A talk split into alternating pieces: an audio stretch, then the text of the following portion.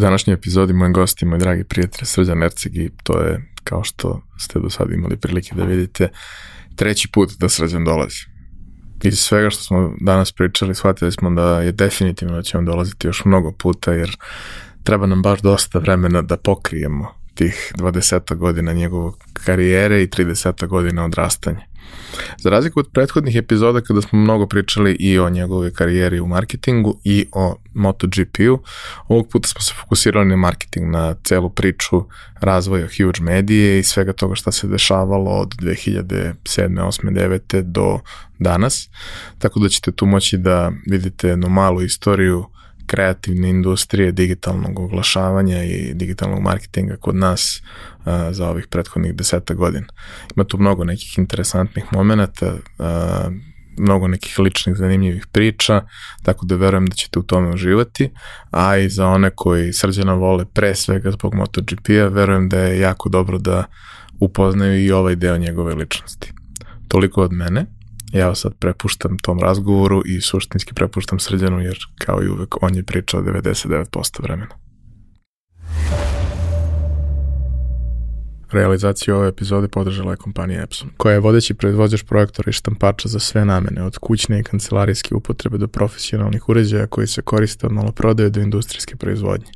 Već 20 godina u nizu proizvode najbolje projektore na svetu, a prvi štampač napravili su pre više od 50 godina. I dan danas svaki godin ulože preko pola milijarde dolara u istraživanje i razvoj novih proizvoda sa fokusom na održivo poslovanje i očuvanje životne sredine. Upravo zahvaljujući tome, njihovi inkjet uređaj najnovije generacije prave 94% manje zagađenja od konkurencije uz maksimalan kvalitet otiska. I vaš mobilni telefon koji sada nosite i na kome nas možda slušate i gledate, najverovatnije je napravio robot koji je stigao iz Epsonove fabrike. Roboti su super. Japanski roboti pogotovo. Za slučaj da želite da nas podržite vi individualno, uh, možete da posetite link u opisu podcasta na platformi Buy Me A Coffee i tu možete kupiti mesečnu pretplatu ili jednokratno donirati neki jednost koji želite. Hvala vam unapred na tom. Znaš kako to obično kažu, ima one emisije Narod pita, a imaju i ovo kod nas podcastera Narod traži. Ove, narod je tražio ponovo malo pozitivne energije i e, suludih priča Srđana Ercega. Tu sam, hvala. A i ja ne volim da ostavim bilo kakav razgovor nedovršenim, tako da možemo očekivati da će se ovo ponavljati u nekim pravilnim vremenskim razmacima narednih 100 godina.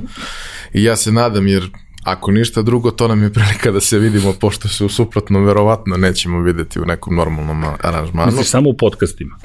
Pa da, u posljednje vreme se stalno viđamo u podcastima i često nas zovu u podcaste i to, mislim, to je divno jer Lepo ja je. mnogo volim tebe da vidim. Mada su ljudi dosta komentarisali ovaj, kako sam te ja previše možda mazio ovako kad kreneš da pričaš. Zato sedimo sad ovako. Da dovoljno smo daleko da ja ne bih to nastavio jer u principu ono i ja bih jednog dana voleo da mam devojku, ženu, porodicu i da ne, ne ugrozim taj deo time što ću da te mazim.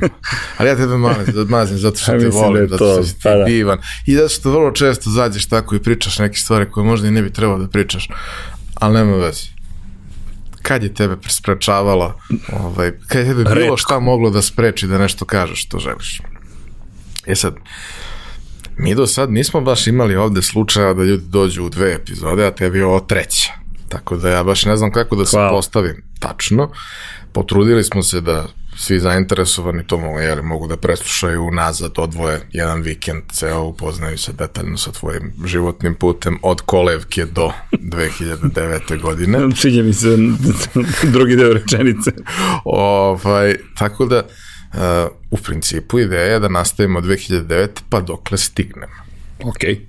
Uh, nešto poslednje o čemu smo pričali, dakle, vi ste pokrenuli Huge, lagano je to krenulo da se razvija, Jest. sa druge strane priča sa uh, MotoGP-em i formulom je krenula da se uozbiljuje vremenom.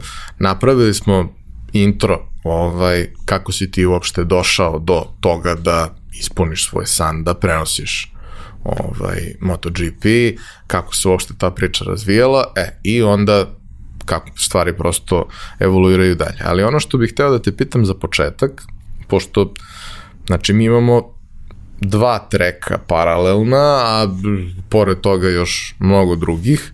Ovaj, ta cela priča sa Hugeom, uh, mislim je jesmo dotakli, uh, ideja jeste bila, dakle u startu je to pokrenuto kao digitalna agencija u kojoj si ti bio jedan od partnera, ali si suštinski radio već na drugom, na drugom mestu full time, pa si dodatno radio tu, onda ste se vi kao stari prijatelji školski i partneri dogovorili da ipak moraš da pređeš tu full time, tad te je Bogdan, tad ti je Bogdan rekao, ma ne brini, zaradit ćeš i tako dalje. Ovaj, I sad šta se dešava sa tim? Jer uh, postavka Huge-a u tom trenutku uh, suštinski digitalne agencije nisu postojale. Postojale su klasične agencije koje su morale da formiraju nekakvo digitalno odeljenje koje je brojalo jednog, dva, tri čoveka, jer je prosto mnogo klijenata, posebno multinacionalki, dolazilo sa pričom mi moramo da potrošimo 3% budžeta na internet jer u našim planovima stoji da vi to morate da potrošite i kao hajde sad nešto i onda to hajde da potrošimo nešto prešlo, hajde da potrošimo nešto i napravimo neki rezultat. Ali to nije bilo suštinski dovoljno da ti imaš dedicated nekakvu agenciju koja se bavi tim. Imali smo pomenutog našeg prijatelja Radeta Tričkovića koji je napravio agenciju koja je specializovana za media buying, a media buying je drugačija industrija. Tu je imalo posla za tu jednu agenciju koja se ozbiljno bavi yes. time i kao, to je to. Vi ste probali da radite nešto drugo. Šta ste vi probali da radite? Pa mi smo probali, znaš kako, to je u suštini Bogdanova ideja pre svega. Bogdan i Agena su poslovali na tržištu Švedske. Agena koja je postojala od 1999. godine je krenula sa, hajde da nazovemo to, to je danas, jel te, web development, ali to je klasičan HTML bio u to vreme kucanje koda, programiranje, zove ga kako god želiš. Bogdan je krenuo uh, time da se bavi. Moje prve dodirne tačke s tim poslom su konkretno isto bili 1999. Konkretno radio sam u sportskoj redakciji politike i na šestom spratu vrata do nas, koja se nikad nisu otvarala, osim baš u posebnim trenucima, su bili za web redakciju jedan čovek, Vladimir Dimitrijević. I, I on je tu, jedan čovek, bukvalno, Vlada Brka popularni, pozdrav za Vladu Brku i nadam se da, da je s nama, da sluša, da, da je tu negde nisam ga dugo čuo, video, eto, dobra prilika da se javim, da potražim čoveka.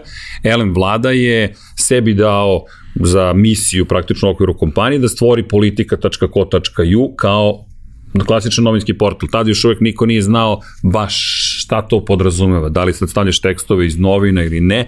Zanimljivo je da on sve tekstove ključne zapravo stavlja na politika koju pa su ljudi mogli to da čitaju. To je već formiranje onoga što danas gledamo kao globalni mediji i vlada je tu bio, mi smo sticam okolnosti delili vrata sa njime, kada je krenulo bombardovanje u martu 1999. godine, politika je bila jedna od zgrada koja je imenovana kao potencijalna meta. I vlada je bio jedan od ljudi koji nisu hteli da napuštaju zgradu čak ni kada su bile uzbune, s obzirom na činjenicu da je čovek želeo da prenosi vesti u svet i da obaveštava dijasporu što više može o tome šta se zapravo događa. To je na njena sobstvenu odgovornost činio, E sad, vladi je bila potrebna pomoć u tom trenutku. Dušan Stojković, moj kolega, koji je u to vreme radio kao novinar i ja kao novinar smo bili malo vični računarima i vlada je to negde znao zahvaljujući tim vratima i ono se pozvao da mu se pridružimo. Ali pod jednim uslovom da kada krene uzbuna, mi moramo da napustimo zgradu politike, a da on ostane da završava svoj deo posla koji sebi dao prosto kao kažem ne, ne samo poslovnu misiju već ne, i nešto više od toga. I mi smo tu krenuli Dušan, Vlada i ja da pravimo nešto što su osnove to kasnije naravno nestao taj ceo kod, ali jedan te neko zove i kaže znaš HTML, ne znam ali ću ga naučiti šta treba, pa ono čuveno table, tr, td, jel te, ko, je, ko se igra u to vreme tabelama, zna o čemu pričamo i kako si radio, pa nisi imao GitHub, nego uzmeš, ukucaš, FTP-uješ i proveriš da li to radi ili ne radi, dosta jedan jednostavan princip, naravno potpuno bez procedura, bez procesa, posle smo naučili, aha, možda bi trebalo prvo nešto na lokalu, pa to sa lokala, ali niko se time ni bavi. I tu imaš opet odrešene ruke, znaš, to prilika. I mi smo ka, Google Analitika, čekaj Google polako da se pojavi za početak, Alta Vista nam je bio glavni, jel to vreme pretraživač i tako je krenuo taj kontakt. Sticamo okolnosti, Bogdan je krenuo da radi za Blitz I sad Bogdan s kojim sam ja išao u srednju školu, Ivan Rečević, Ivan je otišao u Schneider Electric, tako da je on bio u nekoj drugoj priči, ali opet su na neki način, ajde, ne kažem baš IT industriji, ali svi smo mi sada tehnološke kompanije, manje više, ali tehnologijom smo se bavili. I sad Bogdan je u Blicu, mislim da su se tu Milena Đuričić i on upoznali, ili su se i ranije znali, pa se tu još dodatno spojila cijela priča, kako god, Milena i Bogdan sa Kikom, dizajnerom Vladanom Stanojlovićem, sta, sta, kako Stanojlovićem, Stanojlović, bl. inače, potražite čoveka da, vina. Da, bio je gost. Sjajna, da, pravi, kao što ste mogli da čujete, i čovek koji je napravio svoje vremeno ikon, ne znam da li je to spomenio, moram priznati, kako sam propustio Vladana? I dalje, i dalje ikon postoji, ali mi smo primarno u toj epizodi pričali o vinu to sam propustio, ali vino, da, njegov čovjek, izvinjam se, to moram da nadoknadim, jer Vladan, Vladan Stanović, Kikaj, Bogdan i Milena su preteče onoga što je kasnije bio zapravo, da kažemo, web svet na ovim prostorima. To dajem za sebi zapravo da kažem, ja nisam bio u tom svetu, oni su od 1999. krenuli sa genom, ti to znaš bolje nego ja, i ono što su uradili jeste web fest između ostalog 2007. godine, koji je i za meni dan danas nešto posebno i mislim da je žalosno što nije uspeo da preživi i cijel koncept web festa kao Oscara za priznanje za ono što si uradio na webu je nešto što je trebalo regionalno zaista da živi dugo. Ali ok, idemo dalje, da se vratimo na, na Agenu. Osnivaju Agenu i počinju da rade poslove za web development. Nije baš tržište bilo preterano razvijeno. Ja sam tu završio neki kontakt, malo smo Bogdan ja bili u priči. Ja sam otišao u Sloveniju u septembru 2099. godine kod sestre, bio dva meseca kod sestre, nije to ispalo kako smo Gordon i ja hteli i vratih se ja kući. Umeđu vremenu je Bogdan krenuo nekim svojim putem, Ivan je krenuo nekim svojim putem. Mi smo imali firmu koju smo kratko je postojala od 99, 98. do 99.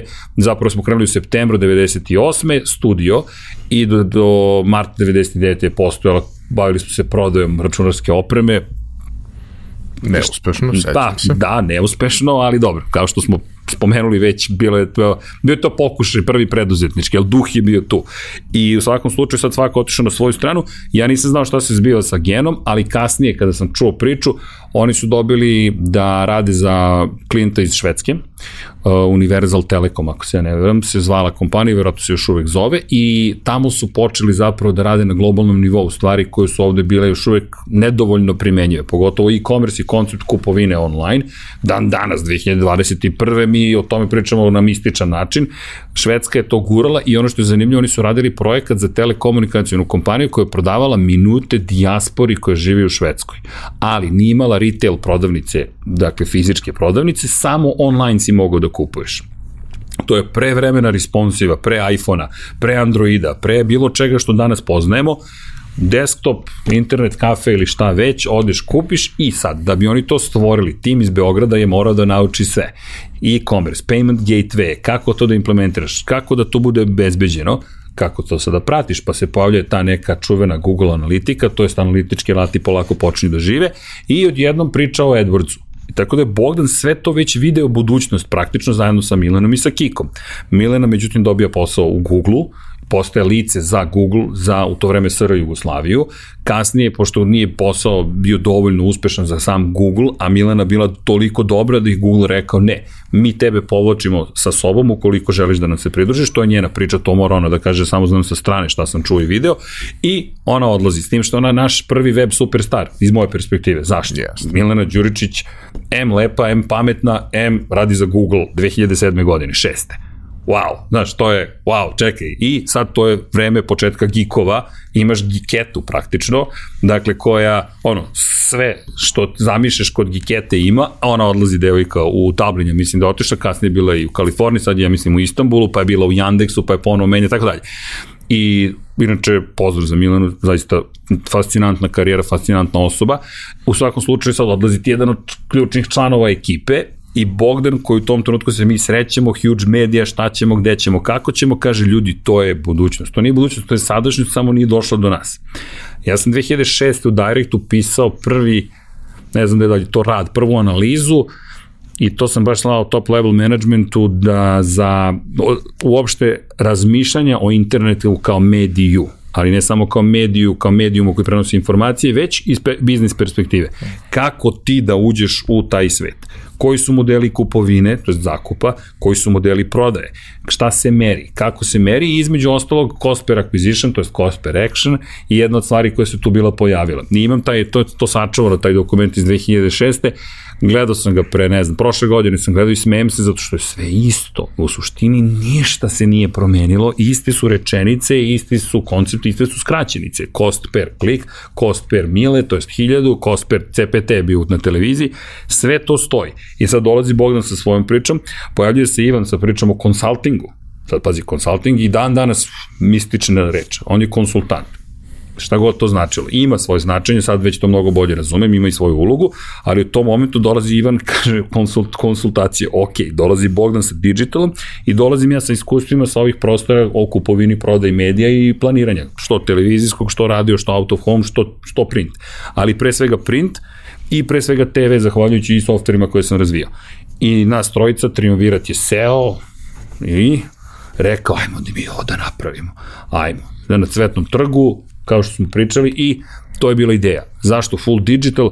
Zato što smo razmišljali na sledeći način.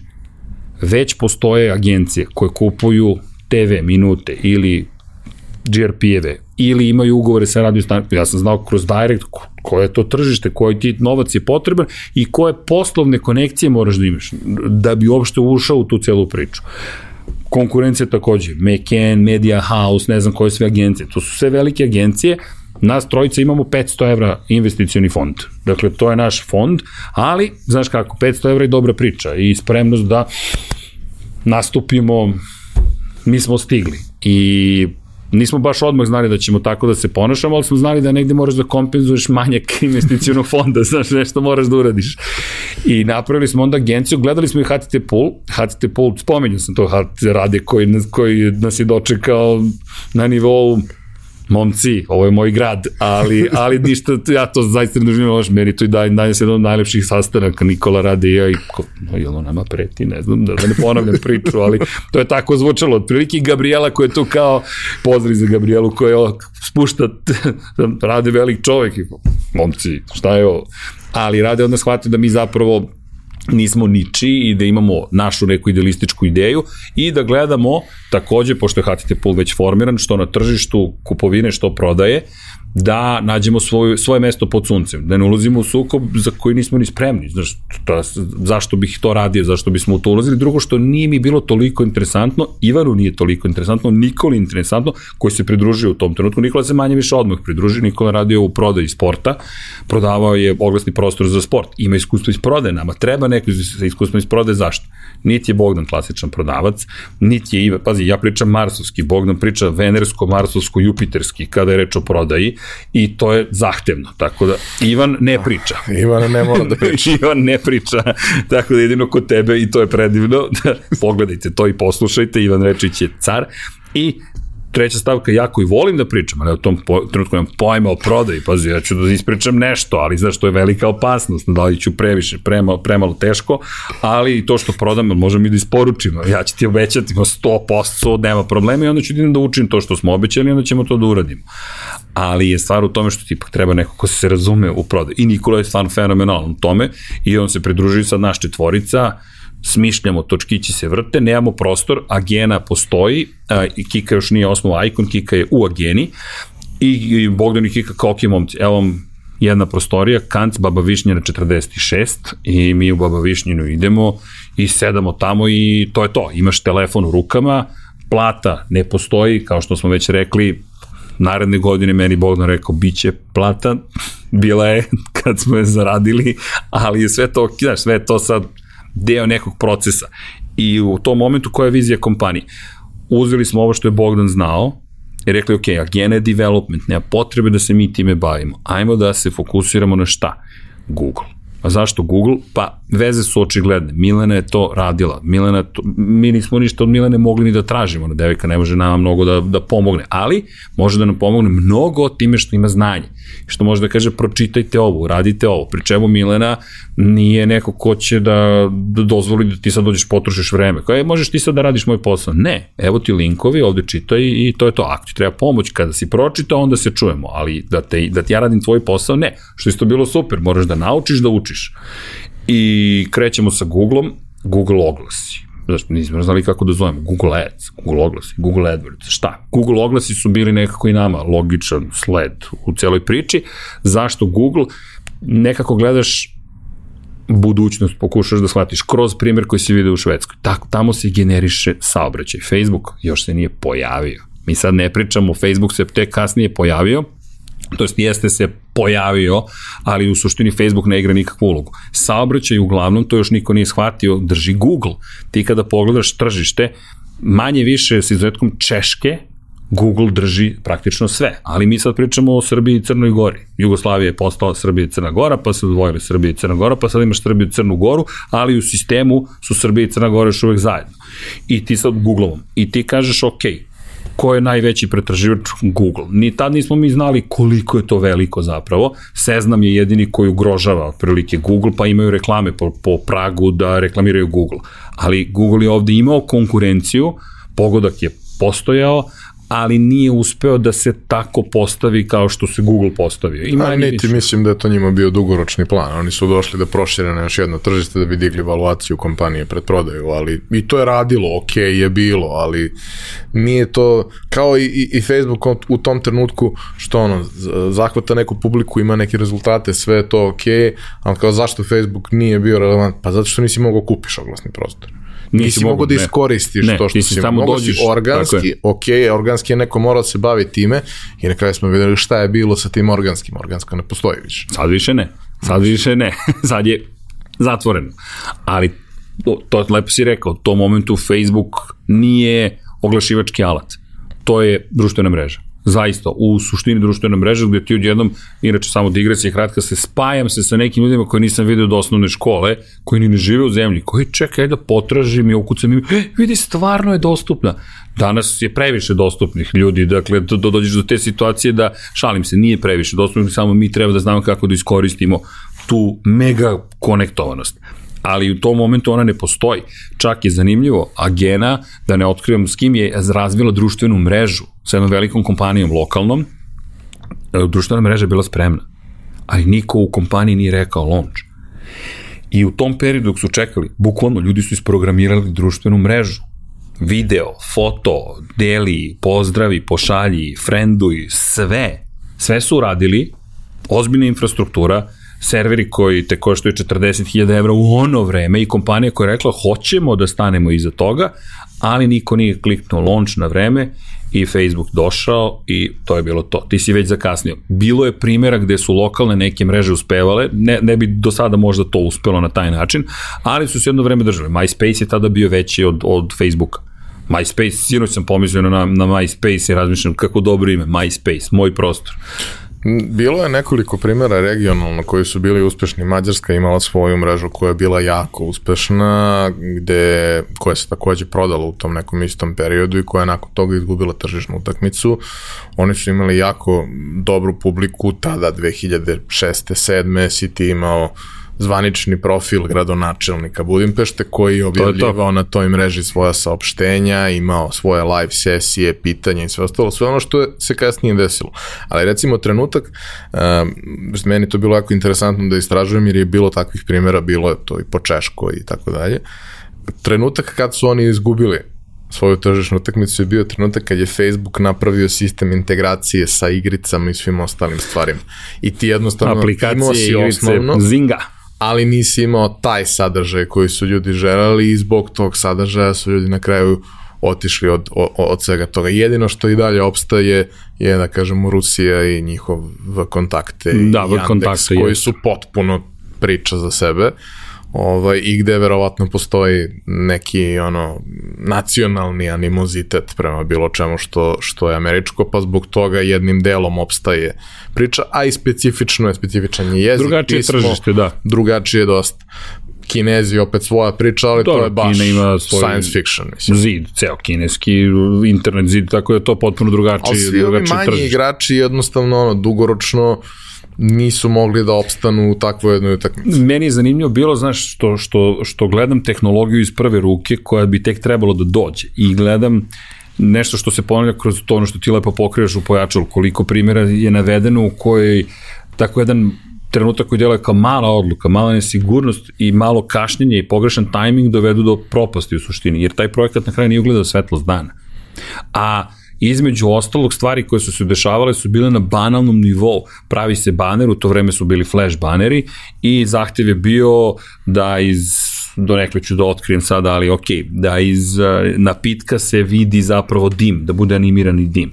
I to sad nedeljama traje agonija oko toga da bude animirani dim na baneru i ne pošto se projekat. Znači, to, to je besmisleno potpuno, ali uvek tako neka sitnica i onda jedna osoba zapravo pravi usko grlo, bottleneck popularni i ne prolazi informacije iz zakasnice. Ali, ali point je da smo mi videli neku novu tehnologiju, Ivan je uvijek imao briljantne ideje, da ih ne nazovem lude, ali u tome ću da pričam zato što to mislim da je jedna od važnijih stvari koje smo bili uradili, frekomanija konkretno, i augmented reality pre augmented reality-a. I ti sad dolaziš u, u kompaniju koja se bavi tehnologijom na jedan način. To je Agena.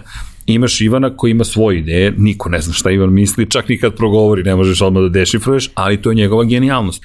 I imaš nas dvojicu koji smo bukvalno prodaja, marketing, oglasi, to razumemo to tržište. I sad, kako se sve to spojilo, Google, kao što sam rekao, smo gledali, zašto?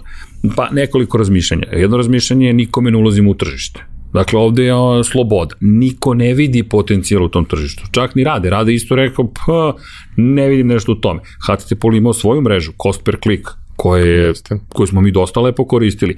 E-Target se pojavio u to vreme, Vlasta, čuveni Vlasta koji je prevezao 700.000 istih kilometara, ja mislim da između Bratislave i Beograda je ne znam koliko puta je prošao pre nego što je autoput što je završen, do Novog Sada kamoli gore do granice sa Mađarskom, tako da su to ljudi koji ti, i, i neka nova energija, neki novi ljudi se pojavljuju, konačno i mi smo se tako upoznali na, na, kroz taj svet. I sad, sve to ti deluje uzbudljivo takođe. To je isto važno. Uzbudljivo je, novo je, drugačije i naravno gledaš iz perspektive biznisa, čekaj, ako mi sada uspemo da budemo prvi, jedini, najveći na Google-u, doći će i pare. Znaš, do, doći će i pare, to je bilo naše razmišljanje. Ono što je tu malo bio problem, što je naša, naš poslovni model u direktnoj koliziji, u, su, u suprotnosti sa kompletnim tržištem, jer je zasnovan bio na ideji transparentnosti pre nego što uopšte Google zahtevao transparentnost. Zašto? Pa naše razmišljanje je bilo sledeće.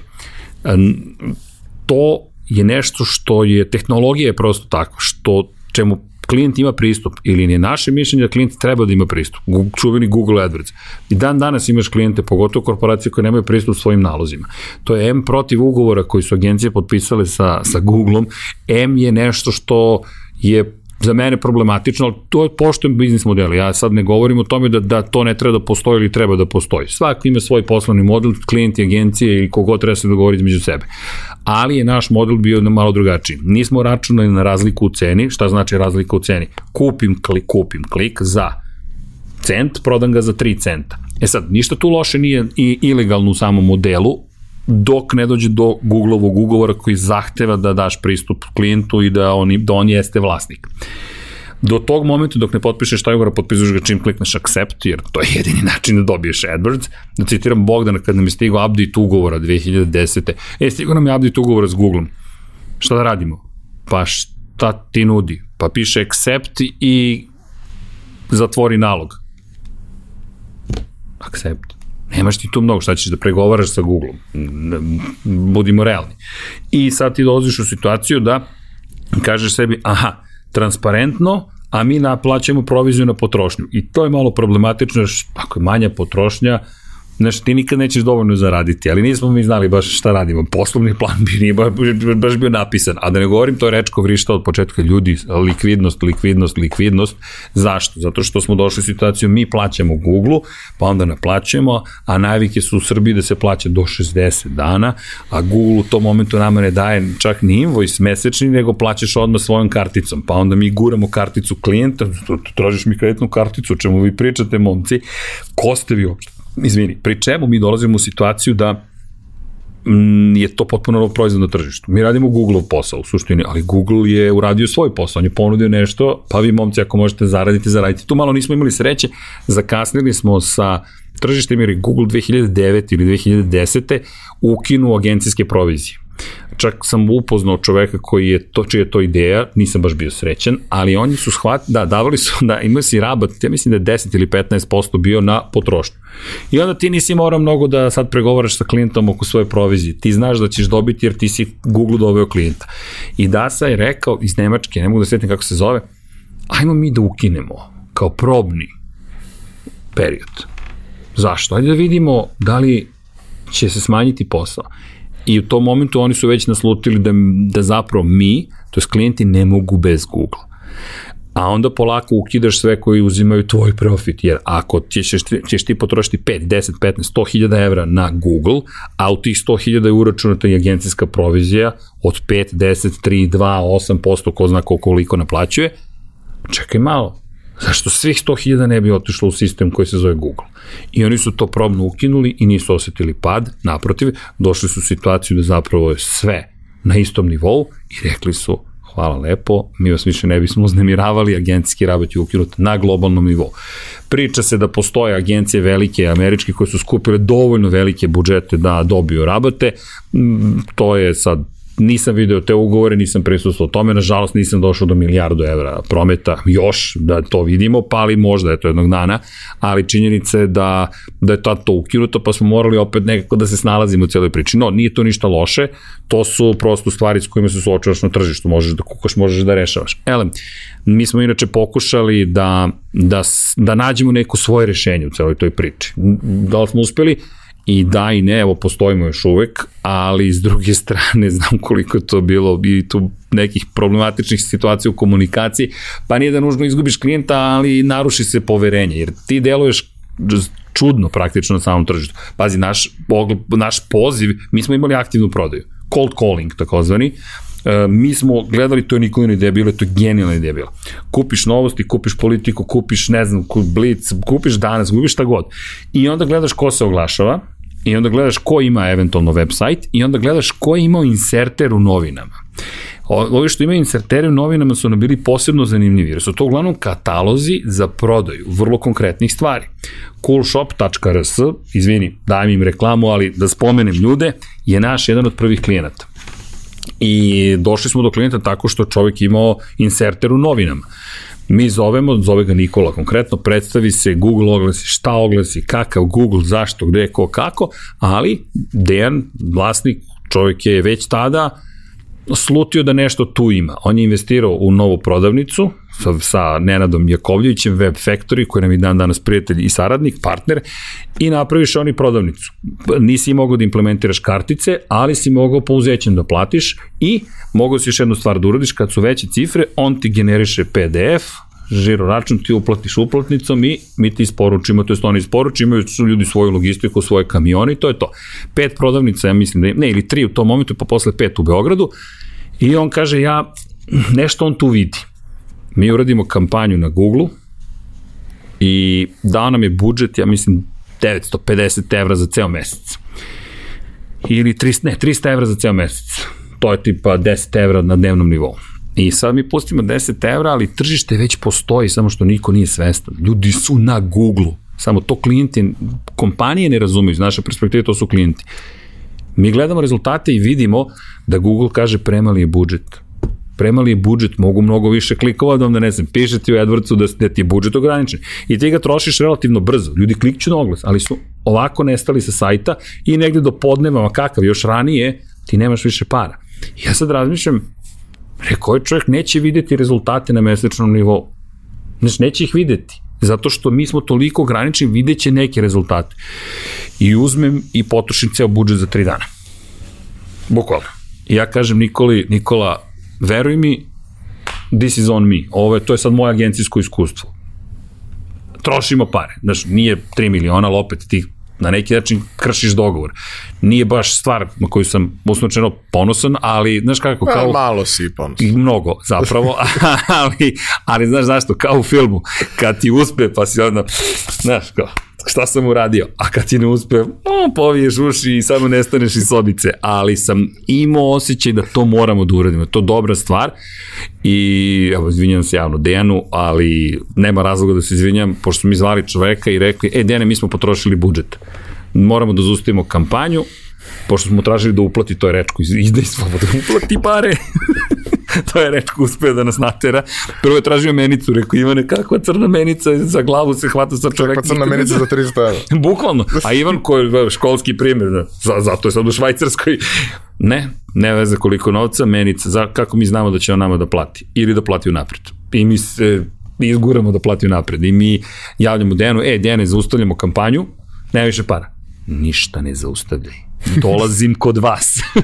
I čovek se bukvalno spakovao i došao na vrata nekih klinaca koji u tom momentu ni ne znaju šta su radili. I on je rekao, ali bio otvoren, i on je super za saradnju.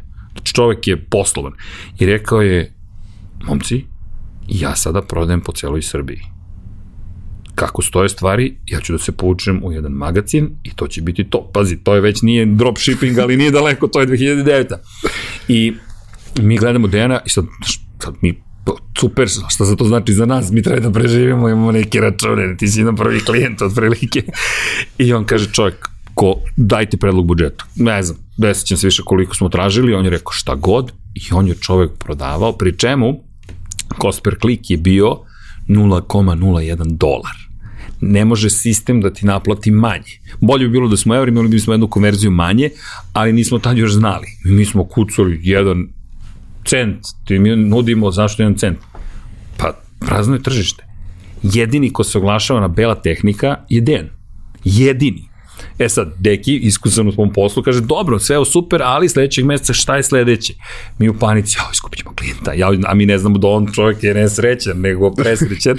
kaže on, ne pojavljujem se na, na, na, kad ukucam, izađe mi samo oglas, nema me nigde, sa search engine optimizacije. Evo, Marko koji radi u Ageni je to radio i kaže Maki ljudi ja nemam vremena za to, ali pogledajte moje sajtove koje sam do sad radio, vidjet ćete već trendove, šta gde, kako.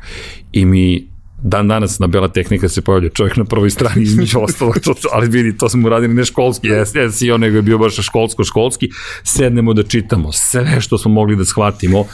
Google Search Console se još nije zvala Google Search Console, Google Webmaster Tools, još uvek ti je dajao, davao sve podatke, nije, nije bilo HTTPS, pa zbog HTTPS su ukinuti podatke. Keyword Media Planner i generalno Media Planner, Google je bio otvoren alat Ko pamti to vreme, ljudi, to je... Jo, predivno vreme. Uh, to je pravi internet jedan na jedan, dok još nije sve se zatvorilo suštinski. Sećaš? Sećam. Uzmeš i pogledaš koji sajt ima koliko posetu, zato što su oni, za one koji ne znaju, kako instalirate Google Analitiku, svi ti podaci iz Google Analitike su bili javno dostupni. Čekaj, čekaj, i Zoran je pokušavao Torbica, čekaj, kako snajper. snajper, snajper, i svi smo mu dali pristup preko snajpera, to isto bilo zabavno, da, to, to sad se zove snajper, da, u kako vreme. I ti sad gledaš kako kako funkcioniše ta neka Amerika, Švedska, Bogdan koji kao ne, ne, idemo, imamo neku priču, sad to već se stvari neke dešavaju, ali to nije kraj. Mi sada zovemo PC Praktik. Mi sad zovemo PC Praktik, zašto PC Praktik? Ima inserter. Inače, insertere, izvinjam se kolegama iz štampanih medija, Dejan je ukinuo insertere. I rekao, meni se ne isplati da ja štampam inserter, zato što šta se događa kad štampa inserter? Ljudi kupuju samo u Beogradu a on mora da pokrije celu Srbiju. Većina ljudi koji su van Beograda kada vide inserter cool shop adrese u Beogradu neće ti doći na, a nemamo još uvek kulturu da odem na internet da kupim. Ali, šta je dobro kod Google-a? To je pozitivna strana. Ti si na internetu, ti aktivno nešto tražiš, evo ti odgovor na tvoju pretragu. Pri čemu, znaš, Google je tako napravio ti, kad vidiš da je oglas, ni ne smeta ti. Znam, često mi kažu, ja nikad ne bih kliknuo na oglas osim što si kliknuo, nisi ni, ni svestan da si kliknuo. I rekao, dobro, kad si kupovao aviokarte, si kliknuo. Pa kao, a, zapravo jeste. to je iluzija samo, ne, ne bih ja to nikad uradio, dok ti ne treba nešto. Ne, došli smo u situaciju, ono, nekad je to bilo mnogo lepo, čisto, jasno, yes. sve, mnogo lepe, slatke, svedene stranice, onako minimalističke, a sad ti suštinski na te kažemo, ključne reči koje su zasićene, imaš bukvalno hiljadu i jednu stvar koja, yes.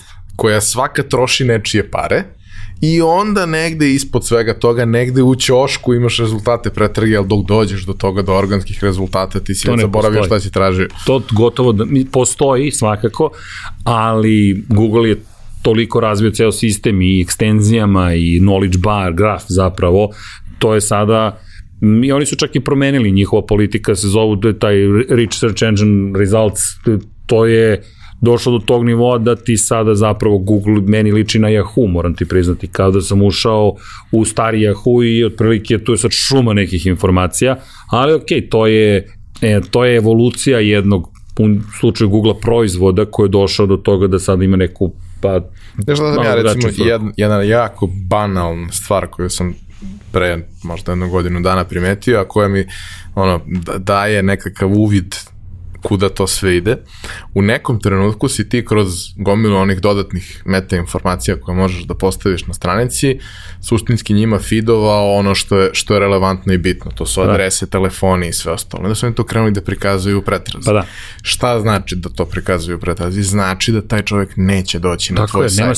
Završit će sve tu to ne mora da bude loše, može da bude i dobro, ali u nekim slučajevima to je jako loše. Pa problem je, kada sad pričamo o Google danas, 2021. Ako pogledaš pitanja koje se postavljaju i ako pogledaš akordion efekt za one koji ne znaju harmonika u pitanju kada kliknete strelica pa na dole se otvori, e, nema saobraćaja. On, Google je zapravo iščupao sa nečeg sajta srž i taj odgovor ponudio samo na svojoj stranici. Ti nikada ne znaš zapravo average time koje je neko, prosječno vreme koje je neko proveo čitajući tvoj sadržaj, nisi dobio klik, nisi dobio sesiju, nisi dobio priliku da, da ti prikažeš svoje linkove, svoje dodatne informacije, svoje reklame, ti si samo dao sadržaj Google, to ja očekujem i pravnu bitku iskreno, već ih i ima po tom pitanju, s obzirom na činjenicu da Google polako vrši apropriaciju tvog sadržaja. Ok da ti prikažeš, ali svi dobijemo, Google je prijatna svojena. Jeste, ali to je sada problematično do pitanje. Google je ukinuo meni saobraćaj.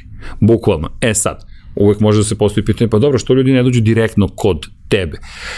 Google se toliko infiltrirao svugde da je to vrlo teško. To ne znači da je ovo kritika Google. Google radi svoj posao. Kritika, pa da, postoji svakako s moje strane, ali nije samo upućena Google tu postoji naša lenjost. Možemo i DuckDuckGo da koristimo, možemo Bing da koristimo, možemo da koristimo Yahoo konačno, ali Google je postao deo, pazi, oni su radili savršen marketing, Google je postao deo kulturološke komunikacije. Oni su čak tužili, ako se ja dobro sećam, enciklopediju Merriam Webster, zašto? Zato što su stavili termin Google, to je, ne, to je trademark. Ne smeš da kažeš googlovanje kao glagol a to je već odomaćilo se. A Google odgovara da to bude glagol, ali mu i ne odgovara. To jest, ako postane glagol, onda svi mogu da pišu Google i da ne plate za korišćenje. Tako da Google je, Google je globalni, nije čak ni fenomen, on je deo naše kulture. To je deo globalne kulture i oni su to postigli, sad mi sad pričamo o rezultatima. Kako? Čuvene bitke Apple protiv Google-a donekle. Zašto? Pa Google plaća za svaki klik kada, koji je glavni pretraživač u, na iPhone? Google.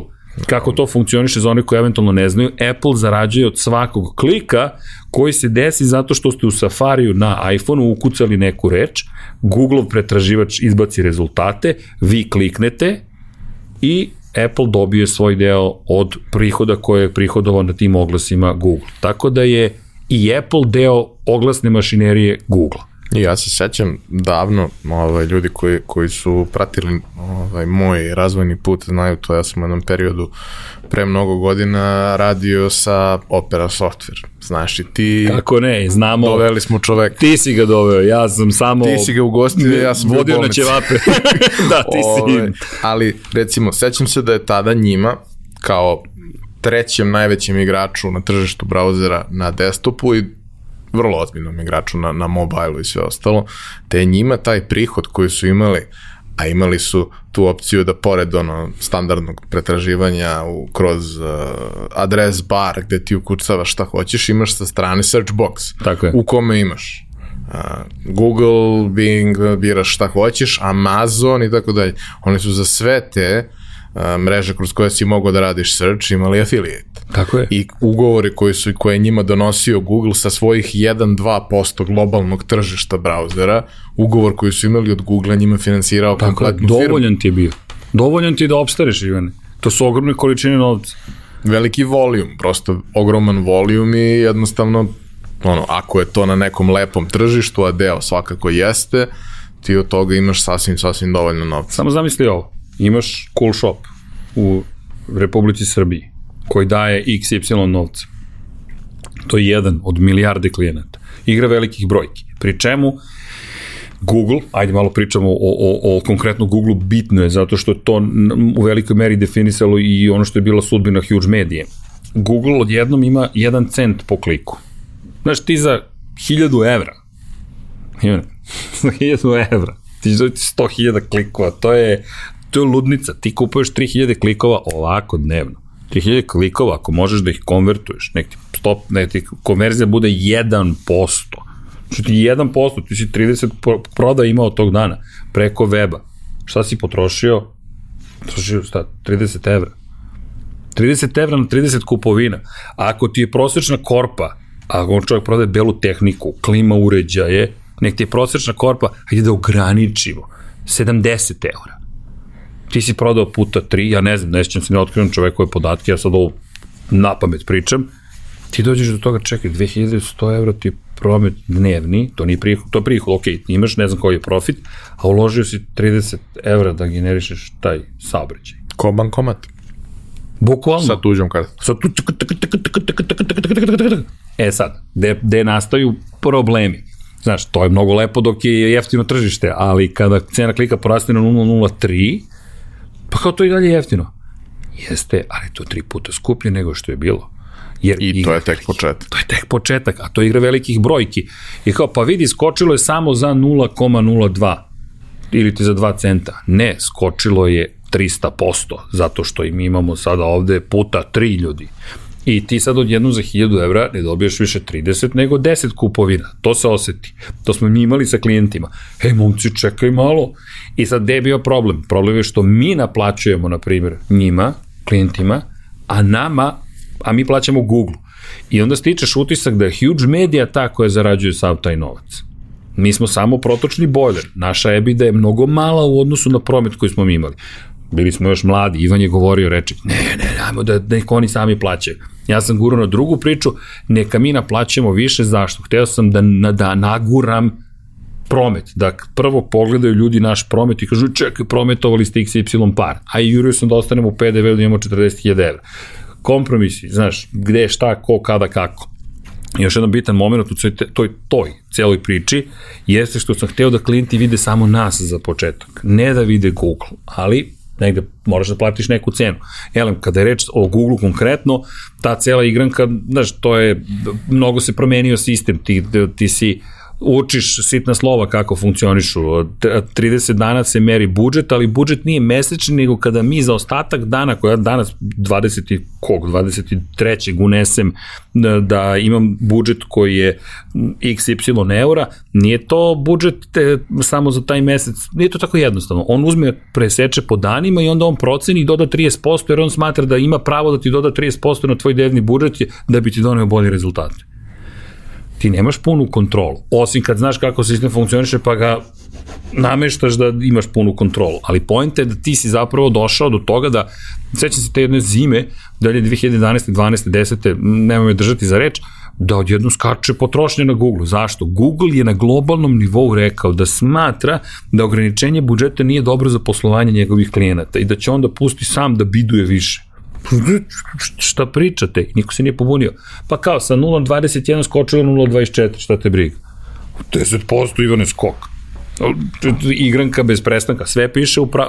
najskuplji pravnici na svetu, ja mislim kad bi očito po ugovor bi bio od, od, od, od krova zgrade do, do, do, do prizemlja. Ali ti si pristao na to i još uvek ti se isplati, to je ono što je fascinantno. Još uvek ti se isplati. Elem, ali za nas nismo mi još išli tako daleko. PC praktik došao, deki šta radimo? Nemamo pojma, ali mi sad radimo. Sad već imamo malo više hrabrosti jer smo dobili neke rezultate. spominju tih nekoliko klijenata koji su važni, za nas su važni, laptop shop preko Kike, čuveni laptop shop u Knez Mihajlovoj i laptop plaza u jednom trenutku čak. Ukucaš laptop, ne, i Etron se pojavio cijelo, priče laptop plazu nismo dobili. Ili kratko, ukucaš laptop, sve naši klijenti na laptop. Sami sebi konkurenci. Da, da, ali, i onda mi sad sedimo, Ivan, o, kaže, ljudi, sad mi sami sebi konkurenčimo, šta ćemo? Ne, nećemo da, da, da, da, da varamo klijente. Ni nismo im ni krili da, da radimo iza drugi.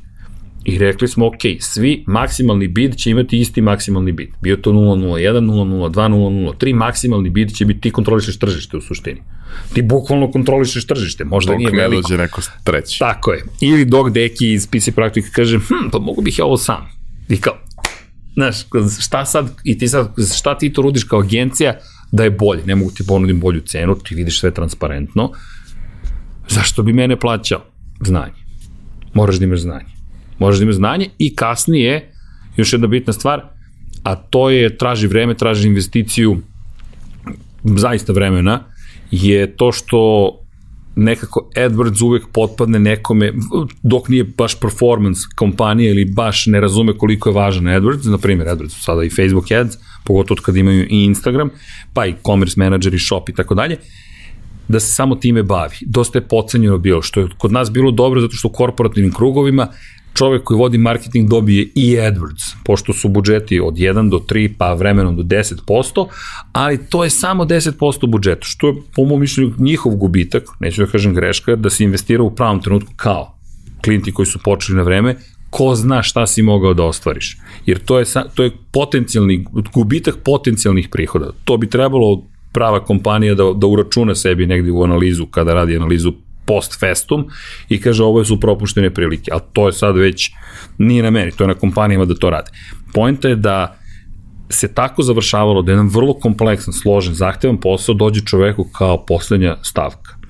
Lakše mu je da angažuje agenciju, lakše mu je da angažuje stručnjake, jer mi ono što možemo da uradimo za dan, ti možeš, ne ti, dobro, ti možeš da dan isto, ali neko drugi, treba mu tri nedelje Zašto? Pa zato što ne zna ove trikove. E, kako se računa budžet? E, kao potroši me preko dnevnog limita. E, zašto bidujem ovde? Šta su smart bidding? Kako da spojim sa analitikom? Sad je to sve mnogo kompleksnije nego što je tada bilo, ali si došao u situaciju da moraš da investiraš u svoje znanje. Onda se pojavljuje Seek and Hit, iz ekipa iz Splita i Ivan koji nam šalje tekst gde su objavili prvi sertifikovani Google AdWords partner u Hrvatskoj.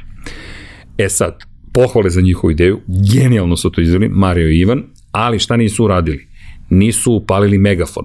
Nisu upalili megafon i vikali na sva usta da su oni prva Google AdWords. Fini momci. Fini momci. Fini momci. Agencija u Hrvatskoj. Dobili su oni poslove nove, ali nisu vikali na sva usta Nisu imali sve za nerci. E, između, to je to. Mislim, to je, to je sad nešto što ja sam doneo huge mediji. Ja sam rekao, ljudi, ovo sad mora svugdje da se saopšti. Šta? Mi smo na sebi zadali cilj. Moramo sada da učimo, a to podrazumeva da čitaš, čitaš, čitaš, čitaš i da radiš i shvatili smo da postoji ta neka vajna sertifikacija. Google AdWords sertifikacija. Izvinjam se, malo slažem kockice, ali dajem ti odgovor na to pitanje Google. Google nas je uvukao u jednom momentu. Uvukao nas i taj inicijalni uspeh. Ti sad odjednom Google, ljudi te izovu za Google. Jer od cold callinga nama je san bio da nama telefon počne da zvoni. I mi smo rekli, jedan od najvećih uspeha u našim karijerama, kao ljudi koji su osnovali kompaniju, će biti kada nama zazvoni telefon. Ti e, znaš, da si znao. E, da sam znao. e, da sam znao. Vidi, be careful what you wish for. To je, to je čuvena. You just might get it. I ti znaš vrlo dobro o čemu pričam. Kad napraviš nešto, možda nije jedan na jedan to kod tebe bila ideja, ali znaš šta je osjećaj kad ti si nešto gurao i jednom neko to traži. Čak se jednom trenutku, ček šta sad? Zašto ovi ljudi sad traže? To sam želeo, ali sećam se i dana kada me zazvonio telefon da smo se svi pogledali i sad Jel greška ili da zvo... Jel greška ili nude osiguranje? I to, to, to.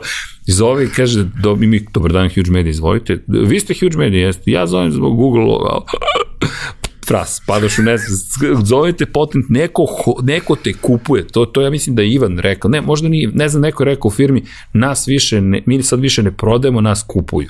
To je mnogo lepo osjećaj. Mnogo lepo osjećaj. To ti je sreća i radost neprevaziđena. Još par stvari. Bogdan, znajući ne samo SEO da uradi za druge, nego i za nas, to dan danas stoji. I rekao, Herceg, napiši web termine, poslušaj me, napiši web termine, CPC, CPA, sve to napiši, to je napisano 2009. Ljudi, to i dan danas stoji, to je stranica koja je nama donela, to je, sad se to zove incoming marketing, mi smo to seli za popode. To je preduzetništvo, ti znaš kako to ide. Kao, to može, koliko vam vremena treba? Mm, sedam dana sedi i odmah završi i mi smo to povili, Marko nam je napravio prvi sajt, struktura je ostala ista manje više, znam da nas ljudi zovu šta što liče ovaj sajt, ali ima ljudi koji su oduševljeni, nešto stoji za ovoga. Da, stoji naša nemogućnost da ikada promenimo taj website, ali ok, web termini tamo stoje i mnogo ljudi izblalo zbog web termina. Ti to postižeš, zna, ti si, edi, moram, moram digresiju da napravim. Šta si ti uradio? Ne, ajde da ne spomenjem imenom i prezimenom nužno projekat, ali tvoj projekat o biznisu, ajde, nek se završi na tome. Moja firma. Ok, smem. Moja firma. Sto puta smo pomenuli. Nije. Ok, samo da, samo zato što, znaš, to onako, i, možda i bolna tačka s jedne strane, A, ali... Bože moj. Moja firma je školski primjer. Znaš da sam to slao inostranstvo dok je postojalo? Ljudima da, da kažem, evo vam kako to može da se uradi. To sam nekom predavanju van zemlje držao i rekao, čisto, pošto je bila priča, ne znam o čemu više je bila priča, rekao, čisto da vidite dobre primere i sa Balkana. Rekao, ljudi su napravili, ozbiljno, napravili su nešto što je klasičan incoming marketing gde i koji deli znanje. Dakle, ima svoju svrhu koja je autentična, deli znanje. Prvi su na Google po svim relevantnim terminima za ovo što treba da vam je ključno u poslovanju i kompletan branding pripada telekomunikacijonoj kompaniji koja ima svoje biznis korisnike to je long tail par excellence za mene. To je ono zauvek da ga čuvaš. Zauvek da ga maziš i paziš i ništa drugo. Ne diraj. Samo nastavi. To započeti i zahtevno. Ko planira content marketing da radi, ako mislite da ćete to uraditi sa dve osobe, nemojte to da radite, mi imali smo par pitanja, sad isto sa, sa nekim klijentima pričamo o tome, to traži ozbiljnu posvećenost, redakciju, rad 0 do 24, te core ekipe i jednu godinu do dve dok ne dobije taj čuveni traction. Čak i kada dobije early traction, to nije dovoljno. Ljudi moraju da znaju da će to da radi i radi i radi i radi. Vi ste to postigli. Neviđeno poštovanje, zaista za to što ste uradili. Mi smo uradili mikro toga tako što smo stavili web termine. I opet smo bili među prvima na Google za te termine, iako to jedna stranica, nije baš najškolski urađeno, ne razmišljali smo, aj pišemo wiki, stavimo wiki, instalirali smo bili i wiki, ali duga priča, jel, neostvareni projekti po firmama, to je ono kad otvoriš fioku, samo je zatvoriš. A, da, bukvalno, ali je, ali pa znaš o čemu pričam, ali je point u tome da je ta stranica nama donela mnogo toga i Ivanovi blogovi. Razumljivo, nerazumljivi, potpuno briljantni, i ono što je on pisao i, i seća se i B92 kad je prenao da je Ivan napisao a, zašto Google još nije odvojio Srbiju i Crnu Goru u svom sistemu. Ali Ivan znaš ga, nije, ne, ne ide u politiku čovek, i napisao nešto što je nekom delovalo krajnje zabavno politički. Srbija, Crna Gora, odvajanje, i mi smo imali 1200 poseta tog dana sa B92, jer su oni preuzeli naš blog i stavili link ka blogu, kako piše poznata beogradska digitalna marketinška agencija Huge Media, rekao, dođi Ivane da ti izljubim, telefon. Je baš zvonio, lepo je zvonio, ali point je bilo da on nabo temu, nabo, izvinjam se za kolokvijalnost, ali pogodio temu koja je nekom bilo interesantno iz neke druge perspektive, čovjek samo tehnički pitao zašto ovo nije odvojeno i objašnjavao kako to radi. Ali znaš, Ivan, to je bilo fenomenalno. Tako da Ivan, znaš, svako je donio nešto svoje. Johnny koji juri klijente za gušu, hvata i ne puštam dok, ne, makar sastanak ne dobijemo i jel te, ako dođem pa onda lažem. Može, sve može. Ali to postane istina. Jer mi to na kraju završimo. I Nikola kad mi gleda, možemo mi ovo, možemo, 100% možemo, malo, ne, malo nećemo da spavamo, ali možemo. I isporučivali smo, stvarno smo isporučivali. Tako da to nije laž, to je negde u budućnosti istina. To ono što smo pričali o konceptima kako možeš da složiš, samo moraš da ispuniš. I, i to je bitka samo sa rokovima sa mnom, ali dobro, to je druga tema. U svakom slučaju, sve te kockice se tako lepo slažu, ali smo pogodili dobar moment na tržištu, to mislim da je Bogdanova zasluga zaista prevashodno, jer osetio da to dolazi. Bogdan koji je dalje mora da vodi agenu, tako da, znaš, više je savjetovao, a više, više nego dovoljno. Ivan koji radi svoje, Nikola svoje, ja svoje. I, kažem ti, Google nas je uvukao, dosta klijenata počelo da dolazi i onda su počeli da se dešavaju hajde, zanimljive stvari. Naprimjer, Nikola koji je u želji da dođemo do velike ekspanzije krenuo da napada klijente velikih agencija. Čega sam se ja malo pribojao, bio sam zvao, mm, kad krenemo tamo, bit će čupavo. Zašto? Zato što kako to funkcioniše. Agencije imaju ekskluzivne ugovore sa velikim klijentima i ti sad dolaziš, preskačeš ih. To je čista diplomatija, nemoj da ih preskačeš. Ajmo da odemo kod njih, pa da njima ponudim. Problem je što njima to je još jedna dosadna ekipa koja je došla nešto ponudila i ljudi imaju posla preko glave. Ali postoje veze u direktore, ajmo da da pitamo drugare, ponudimo, predložimo, pa i oni gledaju kako mi smo sad ovo mogli da iskoristimo, međutim Johnny rekao, nema ja više vremena za ovo. Pap, ode u Agrokor. I pa da, pa da gađaš, nećeš, gađaš u vrh i ode čovek sa ponudu, ne se više dalje frikom ili dej nešto nudio i zvoni telefon, zove me iz Directa. Ne, ove, sređene, ove, na što vi nudite direktno, mislim, zar nismo mi bar prijatelji, pa da nama prvo predložite ovu ideju. I naravno, tuc, muc, jao, pa na, tetki da dam lek i sve ostalo. S jedne strane gledam Johnny, a on kao, sve, sve, sve top, sve top, ba onda ja pričam jednu priču, on priča drugu priču, ma, da, da, ali sve to ispadne ok. Marija Koljević to vreme bila account manager u Directu za Agrokor i ona predloži da se nešto uradi. Sad, povrh svega dođe Ivan sa svojim papirićima i crtežima. Niko to živ ne razume. Jedna od stvari koja nikad nije ostvarena je čuveni lov na blago, to je 2000 po uzoru na Foursquare koji to vreme već postajao popularan, da se napravi frikom lovno blago, da moraš da nađeš da nađeš bukvalno frižidere frikomove na ne znam kojim lokacijama koji imaju ko Pokemon otprilike, dakle on baš gamifikaciju gurao i da na osnovu toga učestvuješ u nagradnoj igri, što mislim da je super ideja i dan danas možeš da odeš i da tražiš to i da, ne znam, skeniraš bar QR kod ili šta god, ne se tačno cijela ideja i mi kao, to je mega kompleksno. To kaže, ne, sad ćemo da smislimo nešto drugo i dolazi sa augmented reality. Pazi, malo preskačem, da ne, ne pričam baš o svemu, ali čisto da napomenem, Google je otvorio te stvari. U tom periodu traje sertifikacija ljudi. Ajmo da se sertifikujemo. Čitamo šta znači da moraš da postaneš Google AdWords sertifikovana kompanija, to podrazumeva da imaš 10.000 dolara prometa mesečno, to pod, pazi, to je 300.000 dolara godišnje, to je za nas, kad smo počeli z naših 500 evra, to, čemu pričamo, to mind blown, to je eksplozija mozga, ali mi guramo ka tom, ili u 3 meseca, ili ne sećam se tačno period, ali znam da je 10.000 dolara. Oh, ko će to da nađe? Pošto smo mi krenuli sa budžetima, ok, lepima, ali isto tako nisu svi bili takvi budžeti, 200, 300, 500, šta mi to donosi, šta mi ne donosi. Najbolji klijenti su bili oni koji imaju prodavnice. Ko nema, izvinjam se, to je onako, bilo malo problem, čemu mi ovo služi? Možda radi, a možda i ne. A nisam spreman da dam mnogo para da baš testiram igricu. I ele, mi sad gled, znamo šta treba tu da uradimo to je proces koji se tu paralelno sada odvija. Umeđu vremenu, a to sam zaboravio, izvini, digresija, prema što se vratim na ovo. Facebook aplikacija. To se sećam, to mi je žao, nisam, nisam uspeo to dovoljno dobro nekako da, da predstavim.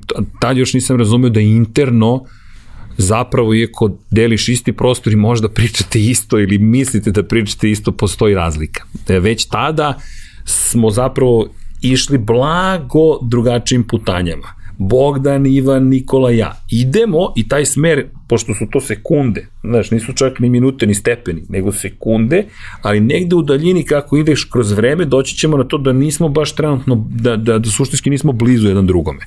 Ali ti deluje da jesmo.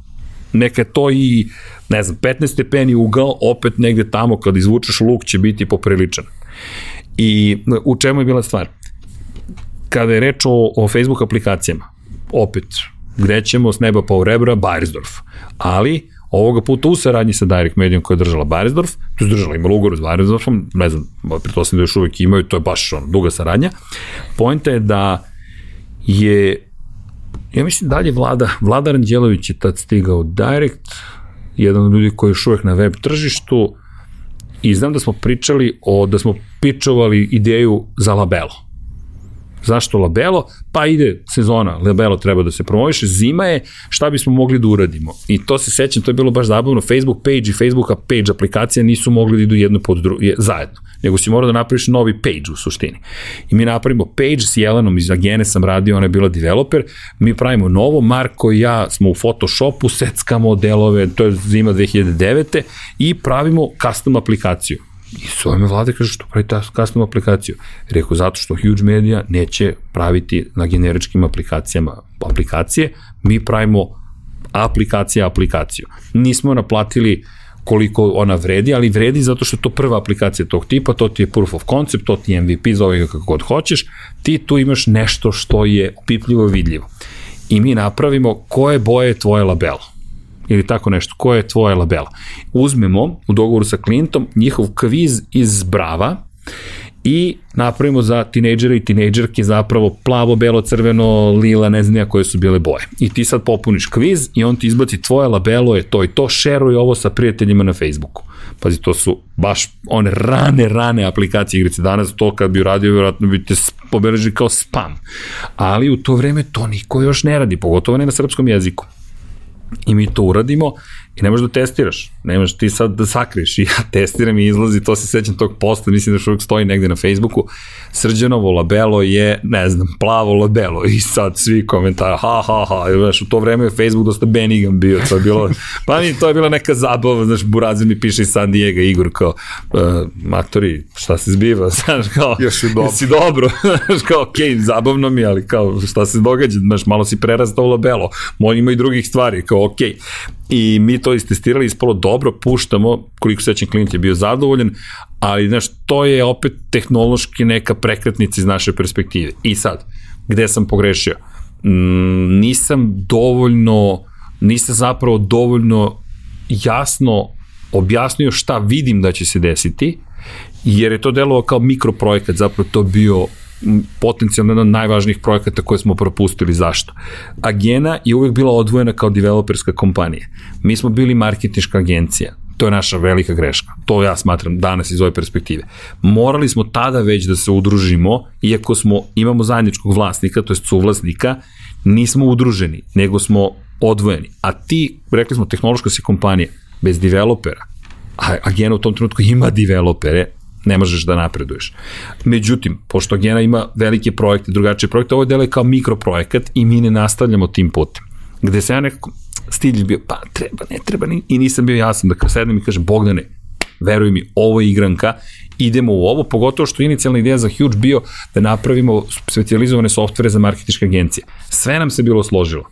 I vidim ga, ali pazi, ovo je podcast koji treba da, ja se nadam, pomogne ljudima kada vidite, posvađajte se sa prijateljima i partnerima.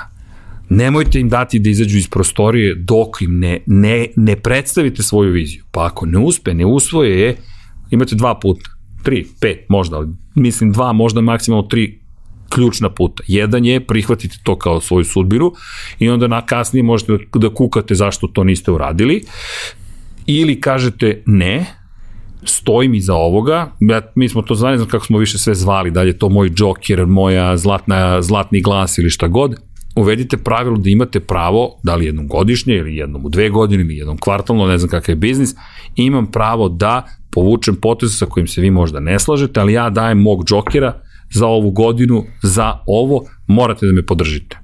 Bez pogovorno morate da me podržite. To vam je partnerstvo, to su kompromisi. I treći put je da kažete, momci, ja vidim budućnost u ome, evo ruke, odoh ja da pravim ovo i to je to. To bi bio, niko me nije pitao za savjet, ali dajem sebi zapravo, pošto je to, ta, to je moje iskustvo sada da sam na toj prekretnici, niko mene nije odbio, ni meni Bog da rekao, nećemo to da radimo. Ne, samo nismo nekako uhvatili taj vetar koji je dunuo, ja sam ga video i, ne, ok, ne idemo tim putem. Trebalo da posadim Bogdana, Ivana, Nikoli, kažem, ljudi, ja ovo vidim, verujte mi. Jer to ti je put posle ka Facebook partnerstvu, to ti je put ka tome da ti razvijaš aplikacije, da si ovladao platformom, da ćeš možda ti raditi nekome neku igricu, software, šta god, to ti otvara milijardu stvari. I ne na lokalno-regionalnom nivou. Koliko god da ga poštujem, mi nemamo kompanije koje upravljaju globalnom ekonomijom. Mi nemamo kompanije na ovim prostorima koje zapravo postavljaju tehnološke procese pa i tehnologiju koja se koristi. To su i dalje kompanije Sjedinjenih američkih država. I ti imaš ulaz ka toj kompaniji u ranoj fazi razvoja Facebooka i propustiš ga. Iako ga vidiš i nemojte biti stidljivi, budite hrabri. Elem, kako god, nismo to iskoristili nekako, propuštena prilika, čak i kad smo radili frikomaniju nismo opet nekako se tu udružili. A Gena je posle prerasla u nešto drugo, otišla svojim uspešnim putem, ali nekako ostao žal što nekako nismo i to razvili. Ali dobro. Mislim, ajde samo da, pošto pominjali smo više puta taj projekat, a vrlo je specifičan i značajan, Frikomanija je suštinski bila projekat uh, augmented reality yes. gde u vreme kada niko nije znao šta je to, gde ti u na flash. svojoj, u flashu, na svojoj web kameri možeš virtualno da ližeš sladoled. Jeste. Uh, web kamera za početak je bila redkost. Tako da je Rečkov projekat bio u budućnosti daleko. Ali šta je Ivan uradio? Apropo ceduljice i svega što smo pričali. To je taman, hvala za nastavak, vraćaš me, čekaj, čekaj, vraćaš me. Mi smo napravili pitch zapravo za Freecom preko Direct Media.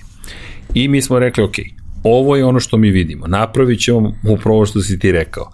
Ekran na kojem se vide sladoledi koji su nacrtani, samo je sladoled nacrtan, scoreboard, korpice i tako dalje, a vi ližete sladoled.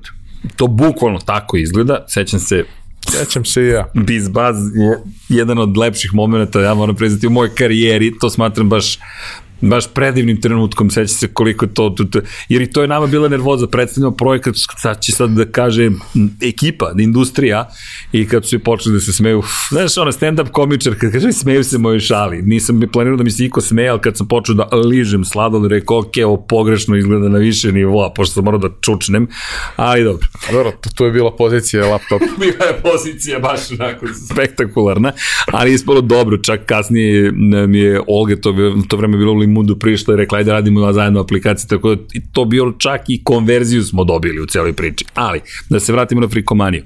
Frikomanija, kako će da se zove? Ivan dolazi s idejom frikomanija, ne, ne, ne, ili smo to zajedno s klijentom razvili, ne znam, ali znam da je frikomanija i koncept jeste upravo to.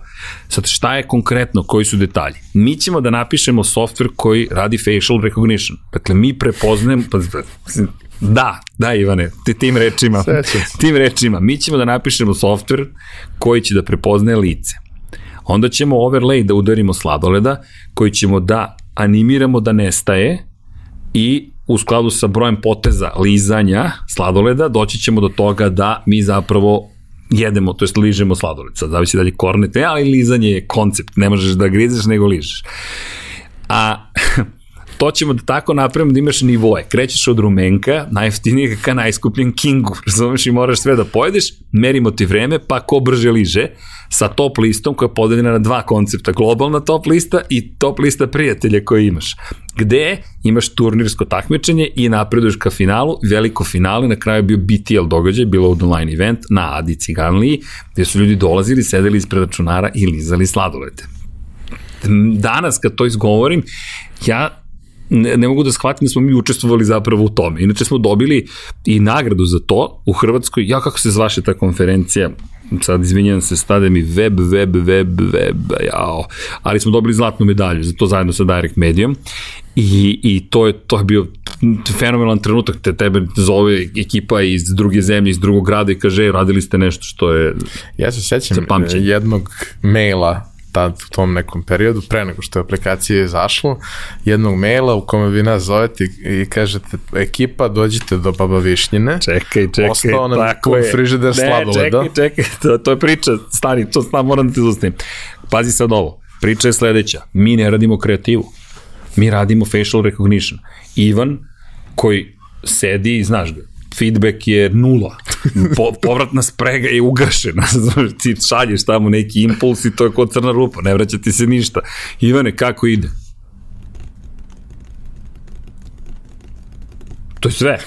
I ti sad samo, znaš, veruješ mu, doći će sve i kao, ajde da vidimo. I ti sad sedneš ispred njega, a on ima crvene crte koje opisuju lice, oči ispred ovoga i mi sad gledamo i kao, ok, znamo da će biti u redu, ali se neviđeno plašimo, zato što su i, i ozbiljna količina novca u pitanju. Ceo projekat Freecom je stao iza njega, Direct Media, Agrokor to iščekuje, o tome se priča, još nismo upoznali Ivana Kovačevića, ali znaš, to je, svi su u tom projektu, mi samo sve, hoće biti sve u redu, hoće biti sve u redu, hoće čak i ja sam bio, hoće, bit će sve u redu, bit će sve, ponavlja, bit će sve u redu, ali Ivan to radi i u jednom trenutku to zaista radi, on počinje da prepoznaje lice, počinje prepoznaje lice na web kamerama koje su mm, rezolucije katastrofalne, ali to radi. Flash, e sad problemi, moraš na flashu desno dugme, allow camera, znaš već uputstvo kako, zašto, nešto sve komplikovano, ali, ali u to vreme ljudi se nisu toliko snimali koliko danas, nije to bilo, nije bio stand book. Možda i bolje. Moja, da, vidi, da, da, ponekad da, ali, ali činjenica, nisu snimali web kamere, pa kao gde će, pa onda staviš onu veliku web kameru, pa onako gleda ka tebi, ona kugla, ali bilo je zabavno. Sve o svemu, Ivan je napravio softver za prepoznavanje lica. Bukvalno ga je napravio, ne znam ni dan danas šta je uradio i kako, ali ga čovjek napisao.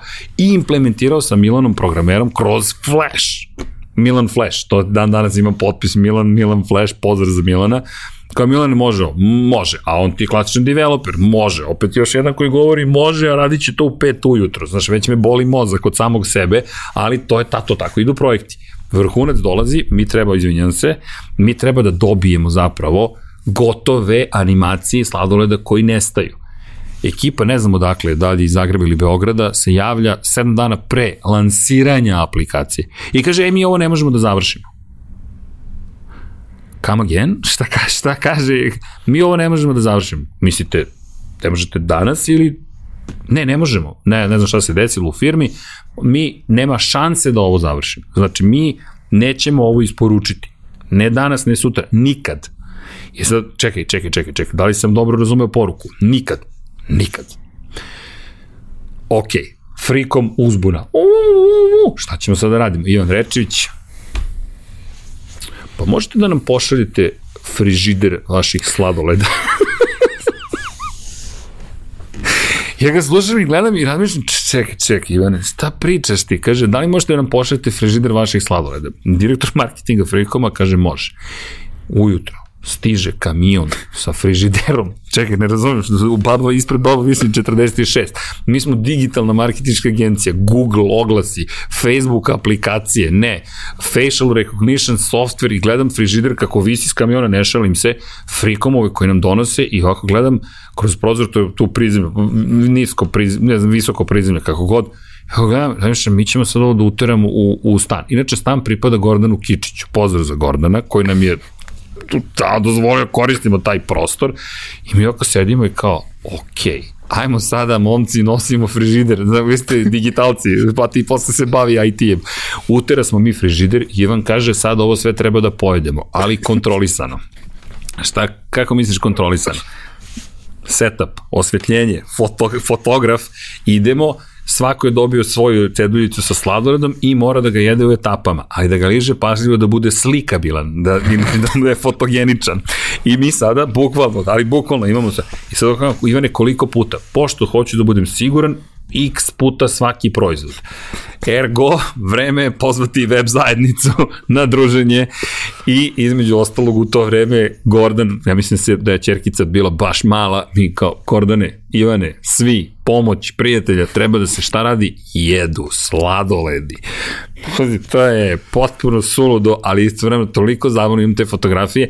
To ti je onaj moment koji znaš da se verovatno neće u skori vreme ponoviti, jer s jedne strane ideš ka tome da budeš kompanija, korporacija, zovi ga kako god hoćeš, jer to, biznis, bla, bla, bla, a s druge strane tako jedan lep porodični trenutak, jedemo sladolede pa jedemo sladoled i svako svoj sladoled uredno spušta, fotografiše se, uzima, nastavlja da jede pažljivo, spušta, fotografiše se, spušta meni je to jedan od najlepših trenutaka. To ti je razlog zašto napraviš svoju kompaniju, jer želiš da učestvuješ u takvim trenucima, želiš da budeš tu kada se to desi. Pa onda gledaš Gordana koji je zvezda, znaš, to je ipak zvezda, čo, čovjek kog da, mi znamo sam basketa, to je Bogdanov baš blizak prijatelj, ali opet, znaš, došla je neka filmska zvezda i rekla, ko je ko, ajde idemo sladolede, važi, znaš, to, to je i, i nismo ga fotografisali, znaš, jesmo interno, ali nije to bio Instagram moment, te Gordane nije se desilo. Ne, ti si to podelio. Fotografisali smo njegov sladoled. Tako je. nije pisalo da je njegov. ali između ostalog, eto šta viš, Gordon je nastupio u frikomani na ovaj ili onaj način i hvala mu na tome. I mi smo sve to isfotografisali i sad, sad kreće dalje igranka obrada, Photoshop, ali vidi, najlepši trenutak je bio taj najslađi trenutak. I mi smo pojeli te sladole, srećem, ostalo još mnogo sladole, mislim, taj frižider stajao još jedno 10-15 dana kod nas, ali ta radost, radost koja je na, na toliko nivoa, ti si svestan da će uspeti tvoj projekat. Ti si svestan da nećeš razočarati ni prijatelje koji su te preporučili, ni poslovne saradnike, ni klijenta ti znaš da vi kao tim ste stvorili nešto što je veće sada od vas. Zatim, imaš prijatelje koji su uskočili, možda je to lako uskočiti da ideš sladoled, ali su uskočili. Ti znaš da ljudima stalo do tebe, do toga što ti radiš i na kraju uživaš u sladoledima. Nema lepšeg momenta i još prije ćeš zaraditi, imaćeš da plate, znaš, to je kao savršen trenutak i pamtiš ga pamtim baš cijela ekipa iza Gene je tu bila, znam da smo se smejali, baš, baš je bio lep, zabavan dan i još projekat uspešan, ja ne znam, da mislim da je 40.000 korisnika bilo aplikacije, što, što, suludo, dan danas te brojke, a nama to nije bilo jasno, znaš, kao 40.000 i sad svi se gledamo, je li istina?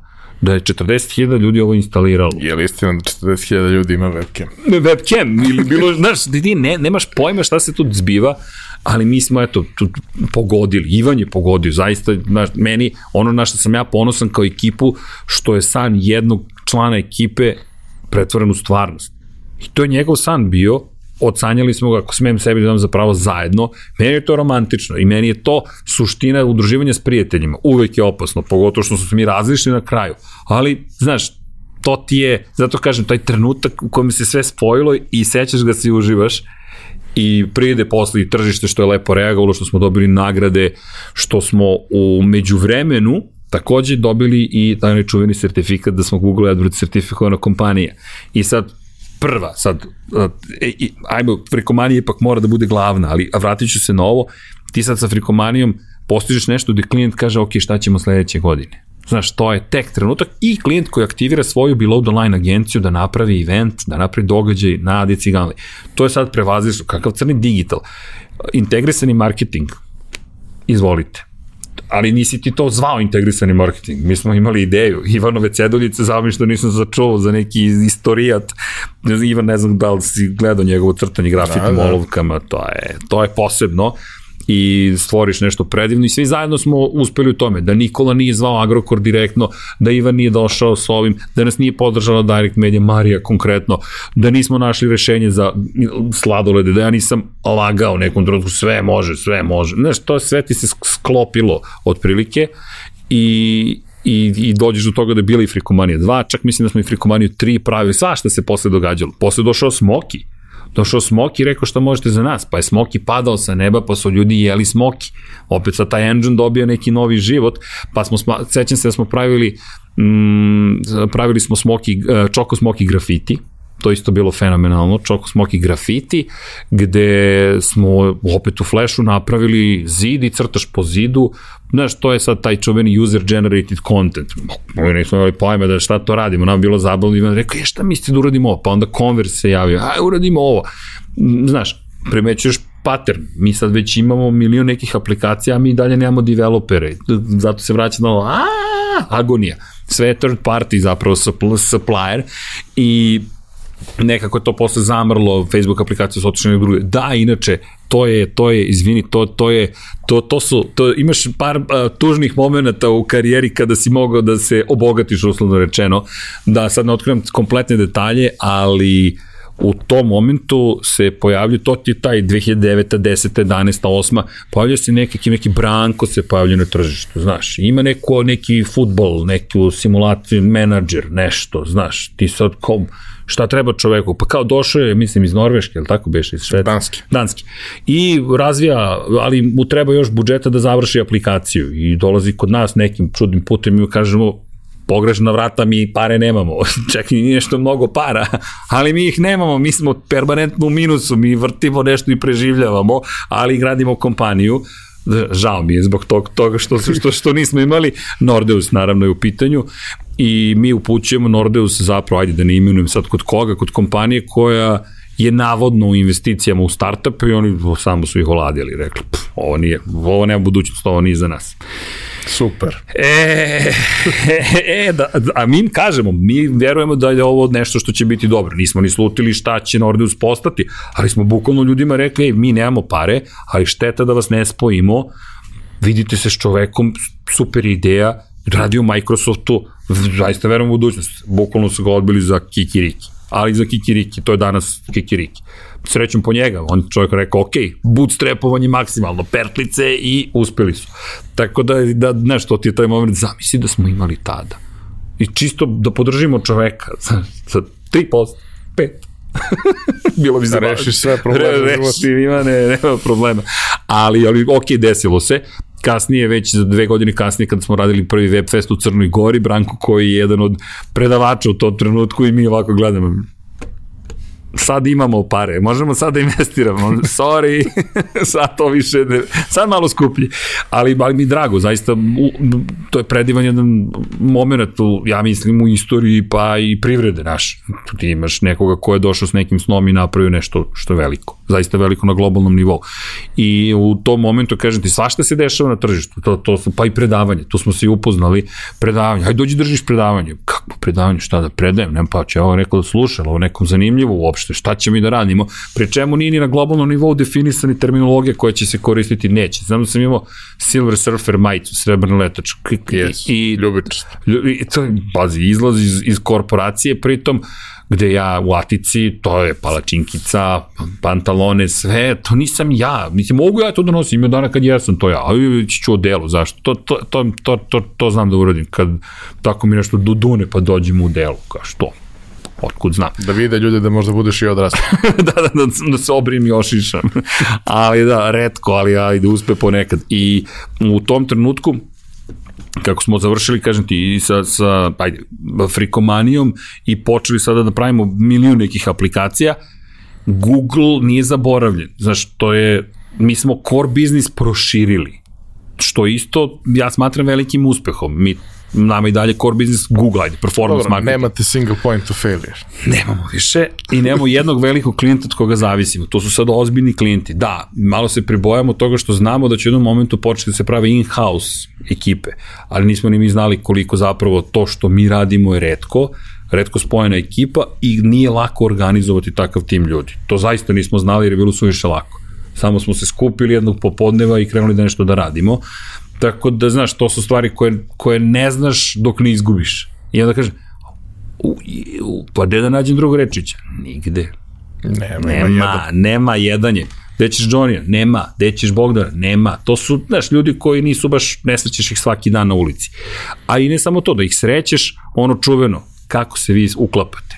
Naravno i nas je promenilo to što, što se događa, manjoj i većoj meri, ali znaš, i mi smo pokušavali da budemo biznismeni, možda je to jedna od većih grešaka koje smo napravili kad pokušavaš da budeš nešto što nisi.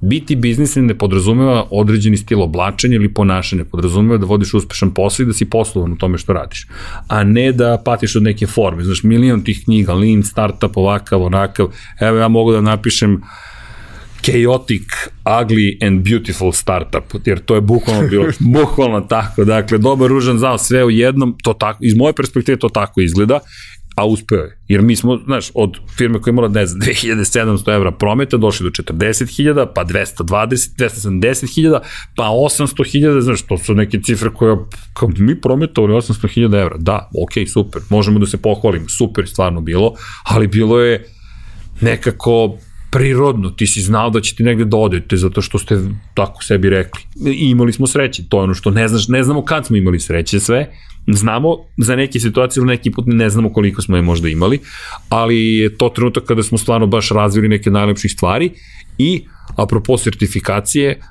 to je bilo baš važno s obzirom na činjenicu da smo ne samo dokazali sebi, već sad javno imamo neki papir koji kaže vi ste prva Google AdWords certifikovana agencija ako pogledaš, ja sam, imao sam neka predanja da sam govorio, pa to, kao, to je svako mogo ili to ne znači, to, to, to je, ne, ne da ne znači mnogo, nego to je formalnost. I jeste i nije. Promenio sam mišljenje umeđu vremenu. Ne može to baš svako da ostvari. Ni, niti Dobro, može. sada to jeste mnogo liberalnije nego što je tada bilo. Tada Tada, je- je, bilo da. mnogo striktnije Jeste. i mnogo, sa mnogo većim uslovima, nisi ti mogao. Mogu si da naučiš svašta, ali morao si da imaš neki volijum koji ne može Jeste. nekakav freelancer da napravi ovde. drugačije je bilo. Drugačije, ali čak i da su ista pravila danas i dalje mislim da nisam bio dovoljno pošten prema nama, mislim da to zaista zahteva da vi kao ekipa stojite iza svoje vizije, svog, svog cilja, nismo mi znali da se to zove vizija, baš to je nama razgovor. Ali da, pogotovo tada i to zaista ne umanjujem sada značaj sertifikata naprotiv ili ono što se može da postaviti, ali rigoroznost je bila na visokom, testovi su bili vrlo rigorozni. Mali broj ljudi je uspevao da položi uopšte za AdWords sertifikat, to je u tom momentu Google zahtevao da baš znaš svaki detalj sistema i kako god mi smo do toga došli. Ali, za razliku od and Hit, od njih sam naučio, hvala im još jednom i, i Mario Fran, Franiševiću i Ivanu na, na, na, na ideji. Oni su pred, predivni, njihov blog, ne, sad više ne pratim to, nažalost, od kad su mi ukinuli neki blog readere, to se promenilo, ali lenj sam, ali činjenica bilo lepo čitati uvek. I kad sam video kod njih tu ideju, rekao, ovi ljudi su carevi marketinga, ali su propustili po mom mišljenju veću priliku. Možda nisu ni želeli, moram priznati da nisam, nismo nužno pričali o tome, oni možda jesmo, ali se ja ne sećam. Ne, Poenta je da, je da sam rekao, kad smo to dobili, znao sam da moramo to da razglasimo. I onda sam zvao sve ljude koje znam u medijima, da ih obavestim šta smo uradili po defaultu ljudi to preuzimaju. Pri čemu to ti je sada auto samo hvaljenje. Mi nismo lagali. Prvi sertifikovani Google AdWords partner u Srbiji. Šta sad to znači? Mi smo zvanično Google u Srbiji. Tako je. To je bila underlying message, to je bila poruka i nas su ljudi zaista zvali da se žale na Google i da prijavljuju stvari na Google. U jednom momentu zvonio Divno. telefon Da, to je bilo baš ludo. Zašto vi izbacujete mene kao trećeg na rezultatima? Mi sad kako te, mi nismo Google, gospodine, mi zaista nismo Google. Umeđu vremenu, inače, sad kako mali je svet, ekipa Bogdanovih drugara s kojim je on svirao, Andrej Prekajski i Dušan Stojković, Stojković Prekajski, advokatska kancelarija, oni su sad od, odvojeni, ali bili su Googleovi advokati. Ti sad čekaj, vidite sad Googleovi advokati. Jeste, oni su sad Googleovi advokati. Ti njih srećeš na nekim konferencijama i ti sad gledaš ekipu Andrej koji svirao bas, Dušan koji je sa nama po gradu bio, no, oni su malo stariji, znaš, malo to drugačije bilo, ali mi smo prijatelji. Znaš, ti sad gledaš kao šta sad vi radite ovde? A mi smo advokati. Čiji advokati? Googleovi advokati kung fu, čekaj, sad znaš, kod zvezde se poklapaju, svašta se tu poklapa i onda Google Adriatic otvara kancelariju u Zagrebu. I ti sad upoznaš ekipu koja je na lokalnom nivou tvoja ekipa i ti sad čekajte ljudi, aj sad kreće, znaš, neka druga priča. A, zaboravio sam Marija. Mario koji je preuzeo Mileninu poziciju u Irskoj, pa je Mario počeo da otvara, Mario, jel, jel jeste Mario, da, i on je radio i on, tako ti se nekako sve sklopilo i onda dođeš Web Fest, ekipa iz med domena, Peđa i Nataša pre svega i ti kao, š, š, world is an oyster. Sve ti se poklopilo. Znaš, sve ti se poklopilo. Hajmo radimo Web Fest. Ajde da radimo Web Fest. E, a tu smo naučili šta znači kada se pružiš više nego što si dogagačak ne u finansijskom smislu, nego u smislu vremena koje imaš na raspolaganju. Jer odjednom Huge Media ovako ide poslovanje Huge Media. Pap, Webfest, pap i onda nastavak. Zašto? Zato što ljudi koji vode kompaniju i koji rade, sada rade Webfest. Nemoguća misija. Ti, Ivane, ti organizuješ događaje, organizovao si ih. Super je. Super je idealan način da skratiš svoj život jedno 10-15 godina. Ako misliš da će živeti predugo, 3-4 To organizuj događaj. organizuj događaj, da. A problem je što to nije jedino što radiš u životu. Mi smo sanjali, Bogdan je stalno govorio, ljudi moramo da imamo zaposlenu osobu koja samo to radi. Neko od nas mora samo time da se bavi. I bio je u pravu. Kao što ja patim što nismo spojili ovo, verujem da Bogdan, ne mu kažem pati, nisam ga pitao nikad za to, nije moje da pričam u njegovo ime, je video tu budućnost. Pazi, to to je moglo da bude franšiza, bez ikakvih problema. Webfest, pa otvoriš ga u Njujorku, ne šalim se, u Njujorku, u Abu Dhabiju, ne znam, u Singapuru. I napravili su genijalnu stvar, njih troje, Milena, Kika, Bogdan, ti imaš Webfest priznanje, mermerna stat, mermerno postolje, mesingana statueta. Imam tri komade. Znaš, Posjedujem. i to kick-in design, to je, s razlogom ih posjeduješ. S razlogom, to je priznanje. I ja mislim da nije bilo finansijsko, to je priznanje, to je, to je često kad dobio si nagradu, ne, nije to nagrada, to je priznanje. To je priznanje ljudi koji su u toj industriji kao filmska akademija koja daje priznanje za, koja daje Oscara. To je bukvalno inspirisano Oscarom. To je web Oscar za nas bio. Da ti dobiješ, izađeš na neku binu i kažeš, ej, pred svojim ljudima koji te i vole i ne vole, koji si takmiče s tobom, ali te poštuju, na kraju te poštuju, aplaudiraju i ti tu gradiš neko zbiljnije tržište. Mi nismo mogli da učestvujemo, ti sad imaš situaciju da ljudi koji vode organizacije koje dodeljuju priznanja su nagrađeni. Ne može. Mislim, izvini, ja neću uvijati, ne možeš da budeš nagrađen. Zašto? Zato što, čak i da si najbolji, moraš da sebe izuzmeš. Moraš. Zato što, šta? Pa, kako ti učestvuješ ako ti organizuješ? Ne može. Mi smo sebi isključili, to znaš.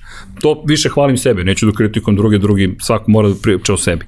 Ali, na primjer, ti si član žirija, da, ti možeš da učestvuješ, ali ti ne možeš da namestiš sebi pobedu. Ne možeš, ali ti moraš da budeš član. Zašto? Pa si burek. Izvini, ti si Ivan Minić. Znači, to ti moraš da budeš tu. Onda pozoveš ekipu iz Hrvatske, iz Bosne, iz Makedonije, Crne Gore, biraj, koju god hoćeš državu. Svi moraju da učestvuju, zašto? Zato što time dobiješ veći legitimitet. Meni je bio jedan od najviših momenta kada je reč o Webfestu, to mi smo ga nasledili praktično od Agene, i moment kada smo bili u Skupštini grada Beograda, kada se javila kancelarija gradonačelnika Rijeke, grada Rijeke, jer je njihov portal dobio nagradu za najbolji e-government portal. Mi ne možemo u tom momentu da dođemo do gradonačelnika Beograda, prosto ne možemo. I ne možemo da dozvolimo da gradonačelnik Rijeke dođe u Beograd. Zašto? Protokol nalaže da mora čovjek istog nivoa da ga dočeka. Ne mogu ja da ga dočekam.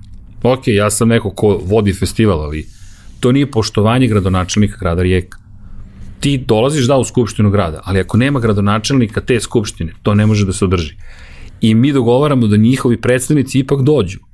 Gradonačelnik, da, da, da, da, da predstavnici Rijeke, grada Rijeke ipak dođu, ali ne gradonačelnik. Sad pazi sad ovo, to su za mene, neću kažem, ne, hoću da kažem, propuštene prilike.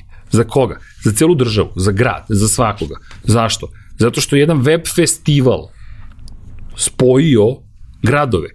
Za mene, ako gledamo iz perspektive preduzetništva i privrede, čekaj dolaziti gradonačelnik rijeke da primi priznanje. To daje još veći legitimitet tvom priznanju, daje legitimitet tvom gradu, tvojoj državi, celom regionu. Mislim, ovaj region razbijen je mali. Zajedno je dosta velik. I to ne podrazumeva državnost, to podrazumeva privredu. Privrednu saradnju To što sam pričao, ne znam, kada, kada dosta dugo u Hrvatsku da bi otišao si mora da imaš vizu. Jedan od prvih nastupa koji si imao u Zagrebu je posle ukidanja viznog režima je bio na tom nivou šta ćemo sada da pričamo, znaš, kako komunicujemo, ja kažem ljudi, znate šta, evo dolazim autoputem i razmišljam, autoput bratstva jedinstva je prestao da postoji. Rekao, ajde da napravimo autoput kune i dinara. Rekao, meni bi to bilo savršeno, zašto? Zato što to onda nije zasnovano na emocijama. Emocije uvek postoje, u većoj ili manjoj meri dobre ili loše. Ali ako zamislimo to, ja mislim tu možemo da uspemo. Ali okej, okay, da ne idem sad predaleko, pojent je da smo mi kroz to delovanje uspeli čak da dođemo do nekoga koje, je, to je drugi najveći grad u Hrvatskoj, to, to je ozbiljna situacija. Elem, mi kroz te neke ideje koje Bogdan imao, Milena, Kika, Nikola, ja, Ivan, ti, kogod, znaš, to su, to su veze koje su se spojile, stvaramo nešto novo. Za mene je to bilo zaista uzbudljivo. Pa seti se, šta ste vi radili? blogomanija cela. Cela blogomanija, neću da ti stavim na muku. Moramo, ali... moramo da se podsjećamo. ali vidi, ali to su ozbiljne stvari. Biz baz. Znaš, to su, za mene su to ozbiljne stvari. Ajde, mogu sad da, da ređam sve, sve koji prave konferencije, ali pričamo o tom jednom periodu gde Kickstart se osetio i osetila se ta, pa izvini, pa i share konferencija. Naravno. Ludilo. I u svemu tome ti nekako na ovaj ili onaj način učestvuješ. Tako da mi, kažem ti, eto, zašto smo krenuli od Google-a? To si mi pita, eto, zato smo krenuli od Google, gde smo završili? Pogledaj šta se sve to izdešava. A to, čak su detalji koje pamtim, ko zna šta sve ne pamtim. Znaš, ko zna šta sam zaboravio, ko zna šta su mi drugi predlagali ili nisu predlagali. Da, inače, kad smo dobili ugovor sa Raiffeisen bankom, to isto bio spektakl. Saša Milanović vodio digital tim mm. i sale koji nas dočekuju, svi su u odelima, znaš, to je, to je, to jednostavno moraš. I mi namerno dolazimo u Star Wars majicama. Namerno. Zašto? Zato što nećemo Znaš, neću. Ne, ne zato što neću. Da mi je dan bio za, za odelo, ja bi došao u odelo. Nije mi dan za odelo, dan mi je za Star Wars majicu. I mi dolazimo i sve, ljudi sede ovako. Ok, kao, ali ti glumiš film. Ali Hollywood, ali uživo. Znaš, jer Hollywood se nije desio, osim ako ti ne odlučiš da se desio i da će se desiti i da se dešava. I mi smo seli, ali smo mi došli sa znanjem. Jer, da čitiram Valentina Rosija, devetostrukog svetskog šampiona u motociklizmu, ako se samo ponašaš kao pajac i ne pobeđuješ, onda si samo pajac. Ali ako se ponašaš kao pajac, a pobeđuješ, e onda si pobednik. Znaš, to je, to je, to je velika razlika. Znaš, nije dovoljno da se, da glumataš. Point je da dođeš sa naoružno, naoružno, da budeš spreman. I mi smo došli sa znanjem performance marketing. Landing pages, šta, gde, ko, kako, kako ćemo da računamo, koliki će biti CPA. Imaćemo vaše podatke, imaćemo, ali ne privatne, samo, samo bottom line. Možemo da radimo, možemo da, ajmo da radimo, ajmo da radimo. Uspešne kampanje odjedno. Znaš, ti sad ideš na sledeći nivo. Ti sad imaš direktan ugovor sa Raiffeisen bankom nema još neke agencije. To je isto game changer. Ti si odjednom agencija koja sada ima renove, reputaciju, znanja i uspeha. I ljudi kažu, ok, hoćemo s vama da radimo. Ali nije to dovoljno, ti dođeš na pitch, mi smo Raiffeisen izgubili zato što smo, to je već sledeća faza huge medije, a to je, pa podrazumeva se da smo mi najbolji. Kako se podrazumeva? Pa do sad smo bili. E, e, zato Valentino Rossi, Mark Marquez, Novak Đoković, Roger Federer, Rafael Nadal, Mick Duan, pa i Jorge Lorenzo i ostali, koji imaju više od jedne titule, su na sledećem nivou. Oni koji imaju tri titule, Lewis Hamilton, na sledećem nivou, Michael Schumacher, na sledećem nivou. Zato što je tako lako upasti u zamku, pff, to sam ja, to će, to, Entitlement. entitlement. To ti je završeno. To, ja, ma ja ne moram ni da radim, to će da se završi. Ups, ček da vidiš. Ne da možeš da padneš, nego odjednom Raiffeisen raskine, ne raskine, izgubiš pič. Što? Pa nisi došao spreman. Super, majice su drugačije, ali ti nisi došao spreman.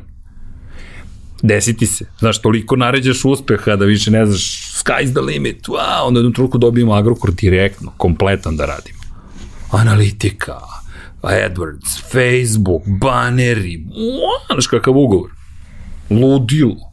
Sve, ti, ti si u fazonu, to, to mi smo uspeli, mi sad ništa, samo da ubiramo plodove rade. Ne, ne, ne, rada. Moraš da radiš, ne moraš nužno da radiš 24 časa dnevno. Ali, Ali, ali nema, e, znaš, sreda je, mogu bi danas i da odmorim. Pa ti odmori, neko drugi neće da odmara danas. e, ono što mi se sviđa ovaj, je što gledajući sve ovo i pratići ovaj put uh, u, in retrospekt, pošto sam ga proživeo suštinski sa vama, je da kao gledam to sve i slušam i kao, eto viš kako je sve počelo, kao, kao inače sa, sa tobom sređene, sve je počelo tako divno, jasno i fokusirano. a onda se samo raspršilo u milijardu nekih Shotgun. novih, sitnih, komplikovanih, ali ono, divnih stvari na kraju dana. E sad, a, pošto smo uspeli da pričamo sati 40, Uj, skoro da uopšte ne pomenemo MotoGP, osim kao male reference, onda sam u fazonu da ovu epizodu ostavimo na priči o webu i za, ostavimo za našu ekipu. Što da ne i ovi ljudi koji prate SK MotoGP, da saznamo malo više o tebi u, ovom, u ovome od čega se živi, a ne ovoga zašto se živi. lepo rečeno. A, e sad, ta cijela postavka u kojoj vi krećete faktički prvi ozbiljno da radite Google, krećete prvi ozbiljno da radite Google lokalno, ajde ka, ka inostranstvu i bilo nekih ljudi koji su nešto radili na individualnom nivou, ali niko se nije brendirao za to, niko se nije bavio time. Ulazite u proces sertifikacije, rastu budžeti, dolaze kompleksniji poslovi, kompleksniji klijenti, svašta se dešava. E sad, a, imaš partnera koji je milijardu puta veći od tebe. Da, bukvalno. Ta vrsta partnerstava nikad nije fair. Dobro, nije. Nije, nije samo nije fair, evo ja ću ti reći kako je to izgledalo iz naše perspektive. E, partner. Jesmo partneri, ali ponekad i nismo. Ponekad i nismo, a mi Partneri ste kada njima treba. To je mnogo preciznije. Da, da, to je, znaš kako je, e, to je jedan od momenta, ja mislim da je sada NDA prošao iz 2014. da, kada smo sedeli, da, pred direktorom globalnog programa Edwardsa, koji je rekao koliko ljudi, ko fenomenalno se sve videti ovoga jutra, mi smo u San, ne, u San Joseu, i bukvalno smo u Google sedištu i to je prvi server Google i ti si ma, ma, ma, ma, ma, malo dete. A on izađe čovjek i kaže koliko ljudi ovde za nas radi besplatno. Ivane, Ivane, ja ovako pogledam Ivana Rečić i rekao Ivane, i on ovako, Jel on to nas upravo? Tako je, tim rečima Sabine. I ja kažem, ok, aj, osjećam se tako dobro ovoga jutra rekao, rekao sve rečeno ne mora dalje ni da nastavlja i onda celo, ceo program šta se sve sprema i tako dalje. Znaš, nije, dosta su jasno postavljene stvari. Ne, nemaš ti to, ti jesi partner, ali, ali se zna otprilike šta to podrazumeva. Zavisi samo od količine moći, to jest novca kojom ti raspolažeš. To je da se možemo da uvijemo reći, ali nema potrebe. Zaista nema potrebe, jednostavno ti ako imaš novac koji je dovoljno, pa, dovoljno velik, dobiješ drugi tretman. A to je kapitalizam plus. To je, to je taj, tako postavljeno. Meni je tu, ne kažem bilo krivo, malo se se osjećao bez veze zato što u jednom trenutku shvatiš pa čekaj, sad u redu je da mi kažete kako stvari stoje, ali neće to niko nikada reći, to sad i ti kao malo dete ja pristupio pogledu na svet, ali bi bilo lepše da smo odmah znali.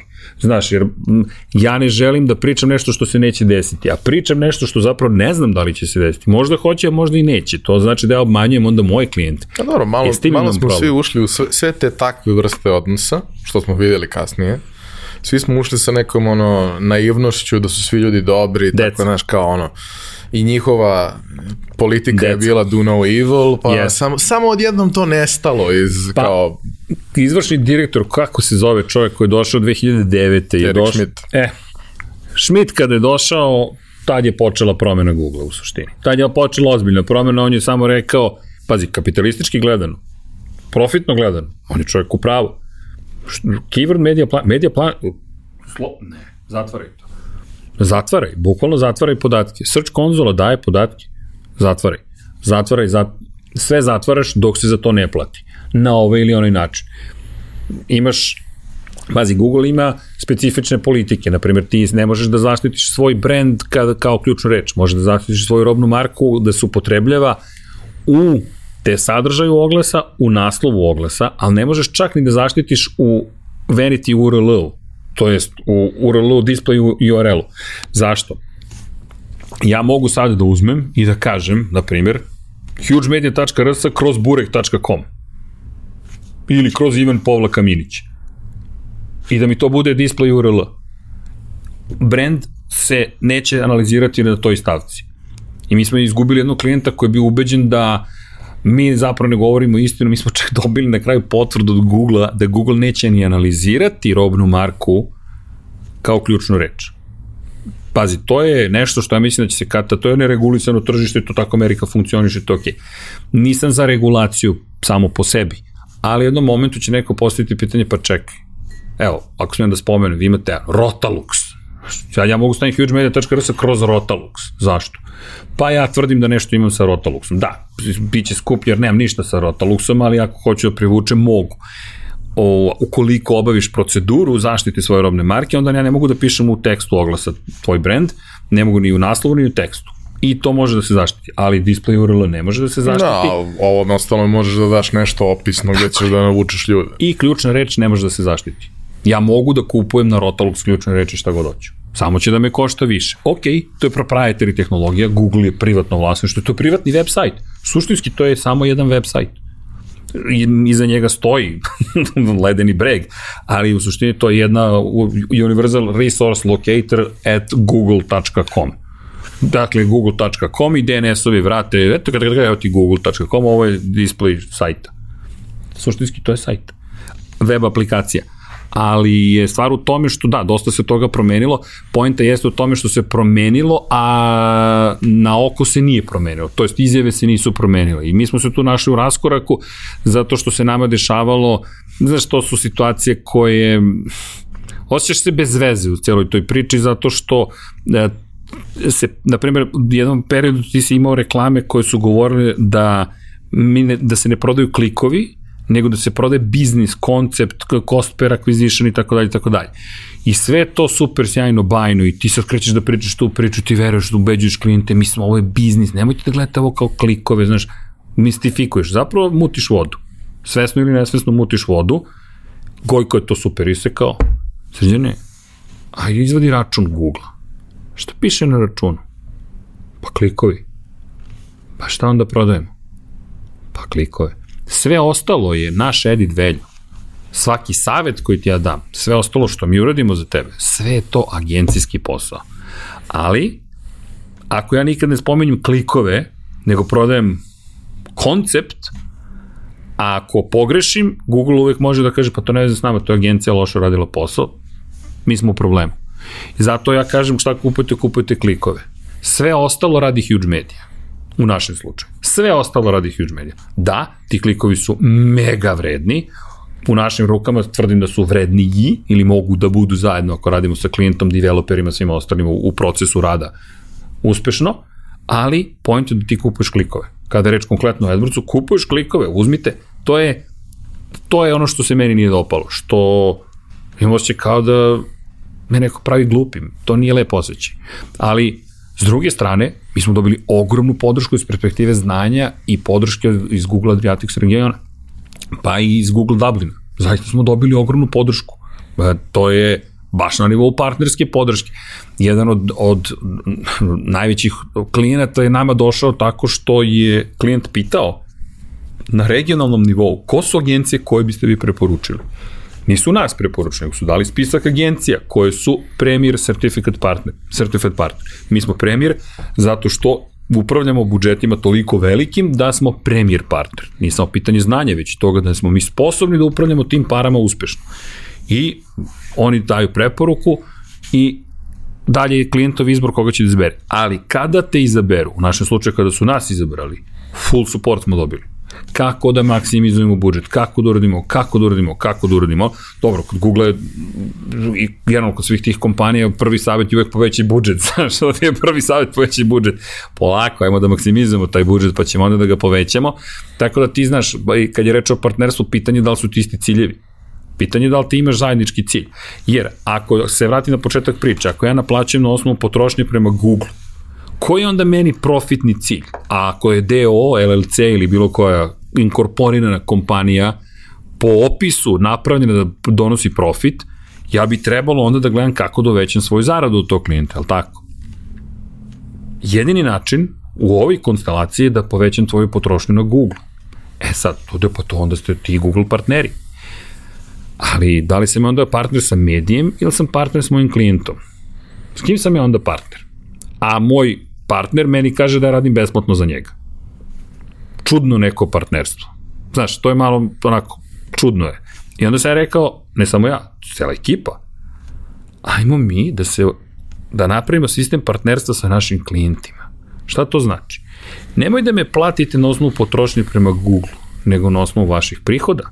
Pazi, to je isto sad promjena, ti sad nekom direktno pričaš o njegovoj zaradi to je velika razlika kod digital u odnosu na klasičan ATL, gde se krije zarada. To je sad opet problem transparentnosti i poverenja, čega god, tržišta, vek, ne vekova, preterujem, decenija, iskustava. Ali, ako ja imam pristup tvojoj Google Analytici, ja sam ti implementirao enhanced e-commerce, ja vidim tvoj revenue, moram da ga vidim, meni se cost of sale ili return on investment, kako god hoćeš da posmetaš, zasniva na tome da znam tvoj revenue, onda ne moramo da pričamo više o tome da li ja znam koliko zarađuješ. Znam, ali mi se ne tiče iz perspektive toga, to nije moj novac. Međutim, ako možemo da se dogovorimo da na osnovu planova koje imaš, mi za ono što mi tebi donesemo, ispunimo 90% planova, dobiješ nulu, da ispuniš 100, dobiješ neki ipak, ali ti je manji inicijalni fi, ali imaš fiksni fi, i onda na 105% kažem daj mi još. A na 110, 120 da mi još mnogo. S tim što na 120 ti se menjaju planovi onda će doći menadžment i reći, a, loše ste planirali, što je istina, to je loše planiranje. Ako se ponove 3 meseca sa 120, to znači nismo dobro planirali, ili 200, ili 500, to isto nije dobro planiranje. Tako da smo mi promenili onda biznis model i suštinski onda da, mi jesmo partneri s Google, jer ćemo mi dalje da trošimo kod Google-a, ali hoću mnogo veći partner da budem s mojim klijentima. Jer ako smo mi zajedno u celoj priči, ako je huge media interes da klijent zarađuje više para, to je meni mnogo Ti bolje. si partner sa Googlom, tako što od Google uzimaš sirovinu. Tako je, tako je, kupujem, ali ja kupujem po istoj ceni kao i svi drugi. Znaš, to je fascinantno. Ali imaš na jednom mestu tu sirovinu. Da, to jeste, ali Ivane, evo ovako, da odemo sada da kupimo, ne znam, biraj stolice i da odeš da kupiš 100 stolica, sigurno ćeš dobiti popust. Ne postoji industrija u kojoj ti na količinu nećeš dobiti popust, osim ove. A dobro, razmišljaj o tome kao o tome da kupuješ uh, eurodizel. Nije bitno koliko košta, košta svuda isto, ali ti biraš koliko će ti troši auto. Ok, može, mo, ok, nije, nije, nije loše postavka, sviđa mi se, ovo je, ovo je, ovo je dobro. I cena promenjiva. Znaš kao, te, ti gledaš koliko te košta 100 km. Pa, To jest. zavisi od cene goriva s jedne strane, mnogo više zavisi Hoćeš od da izbora kažeš da automobila. smo svi mi partneri sa naftnom industrijom. Pa meni ta paralela se čini jako dobro. Ovo, Pa dobro. Nije, ok, sviđa mi se. Ono što je pojenta, ja nisam ljut na Google ili nešto slično. Ja sam prezahvalan Google. Oni, oni, evo, sad su uveli Google Analytics 4. Hvala. Hvala za nas konsultante i implementatore. vama hvala, hvala. a nama Ovi- ostalima vama, ne. vama ne, ali nama hvala, hvala, jer to sad niko ništa ne zna, ajmo iz početka. Ali ovo sam vam platio pre dve godine. E, ali Google sad uveo nešto novo. Znaš, to to je, to je prosto tako. Znaš, nije Google ni dobar ni loš. Google je prosto ogroman. Gigant, gigantski velik. I to je korporacija Huge. američka. It's huge, da. Ali vidi, ja se stvarno mi nije, ne, nema tu šta, Google, čemu mi pričamo? To je korporacija koja ima dva puta, ne znam sad, da li će imati 85, 90, možda 100 milijardi prometa ove godine. To su ti dva bruto domaćeg proizvoda godišnja cele Republike Srbije. Znaš, to je gigant. I sad, ta, a sve od klikova. sve od klikova. A, pa vidi, gro biznisa, preko 90% prihoda dolazi od klikova. I dan danas, iako u jednom momentu su krenuli da pričaju, mi ne prodajemo klikove, ljudi prodajete klikove, it's ok, mi hoćemo te klikove. Ali, ti, dosta smo mi, i, i Google je nama, hajde, pomogao.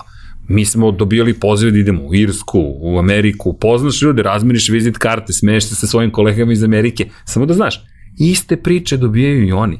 Nema razlike, meni je to je globalna kompanija. Samo je količina para mnogo Tako je, nadnacionalna, nema tu nacije, nema tu jezika, nema boje kože, nema ničega.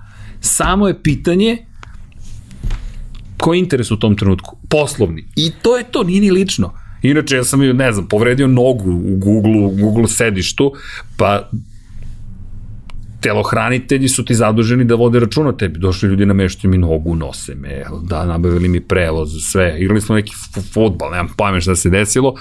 I, ali sam imao povredu već ranije tetive butnih mišića, to, to je baš bolelo, ali znaš, dolazi čovek, ice pack, telohranitelj ogromni i to je to. I to mi je bilo, bilo zanimljivo. Vi ste zaduženi kao ambulanta, da, mi smo, mi smo security, to podrazumeva svaku vrstu security. Rekao, ok, ovo je, za- ovo je lep, lep koncept, ali tako, svašta smo doživjeli i upoznali mnogo ljudi zahvaljujući tome. Zaista smo upoznali mnogo ljudi. Dobro, očkolovalo se na jedan način. Jeste, ali ekipa iz Zagreba je stvarno bila fenomenalna, još uvek je, samo što smo, znaš, svako otišao na svoju stranu, jednostavno u jednom momentu ti imaš taj jedan kako, kako, grupu ljudi koja je stalno zajedno, stalno zajedno. Znaš, svako ode na, neki, na neki, neku svoju stranu, svi mi hoćemo, kažem ti, razilazili smo se, mislim, to je tek tema, ali je činjenica da, da, da smo mi dobili puno zahvaljujući Google, pa konačno, znaš, ti si sertifikati ti znače, jer i klijenti ti više veruju, kad vidi da ti Google kaže da, ovi su okej. Okay.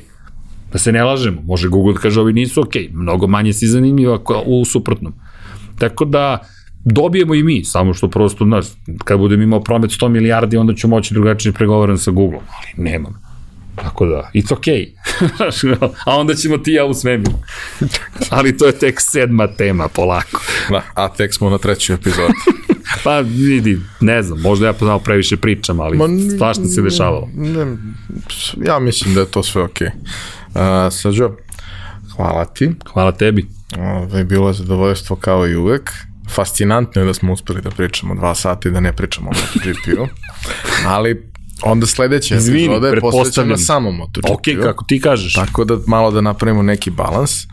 Ovaj, bilo je zadovoljstvo. Uh, ja ću sad da te pustim da se vratiš svojim obavezama i da se nakačim na neki YouTube i da gledam na streamu kako opet nešto pričaš. Uh, verovatno, da.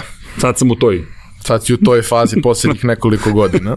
Da. Ovaj, a vama, slušalci i gledalci, hvala što ste ispratili ovu epizodu. Šaljite svoje komentare, predloge, sugestije ovaj, na, na komentarima na YouTube-u i na društvenim mrežama. Hvala vam na pažnji, hvala našim prijateljima iz Epsona što nas podržavaju. Vidimo se sledeće nedelje.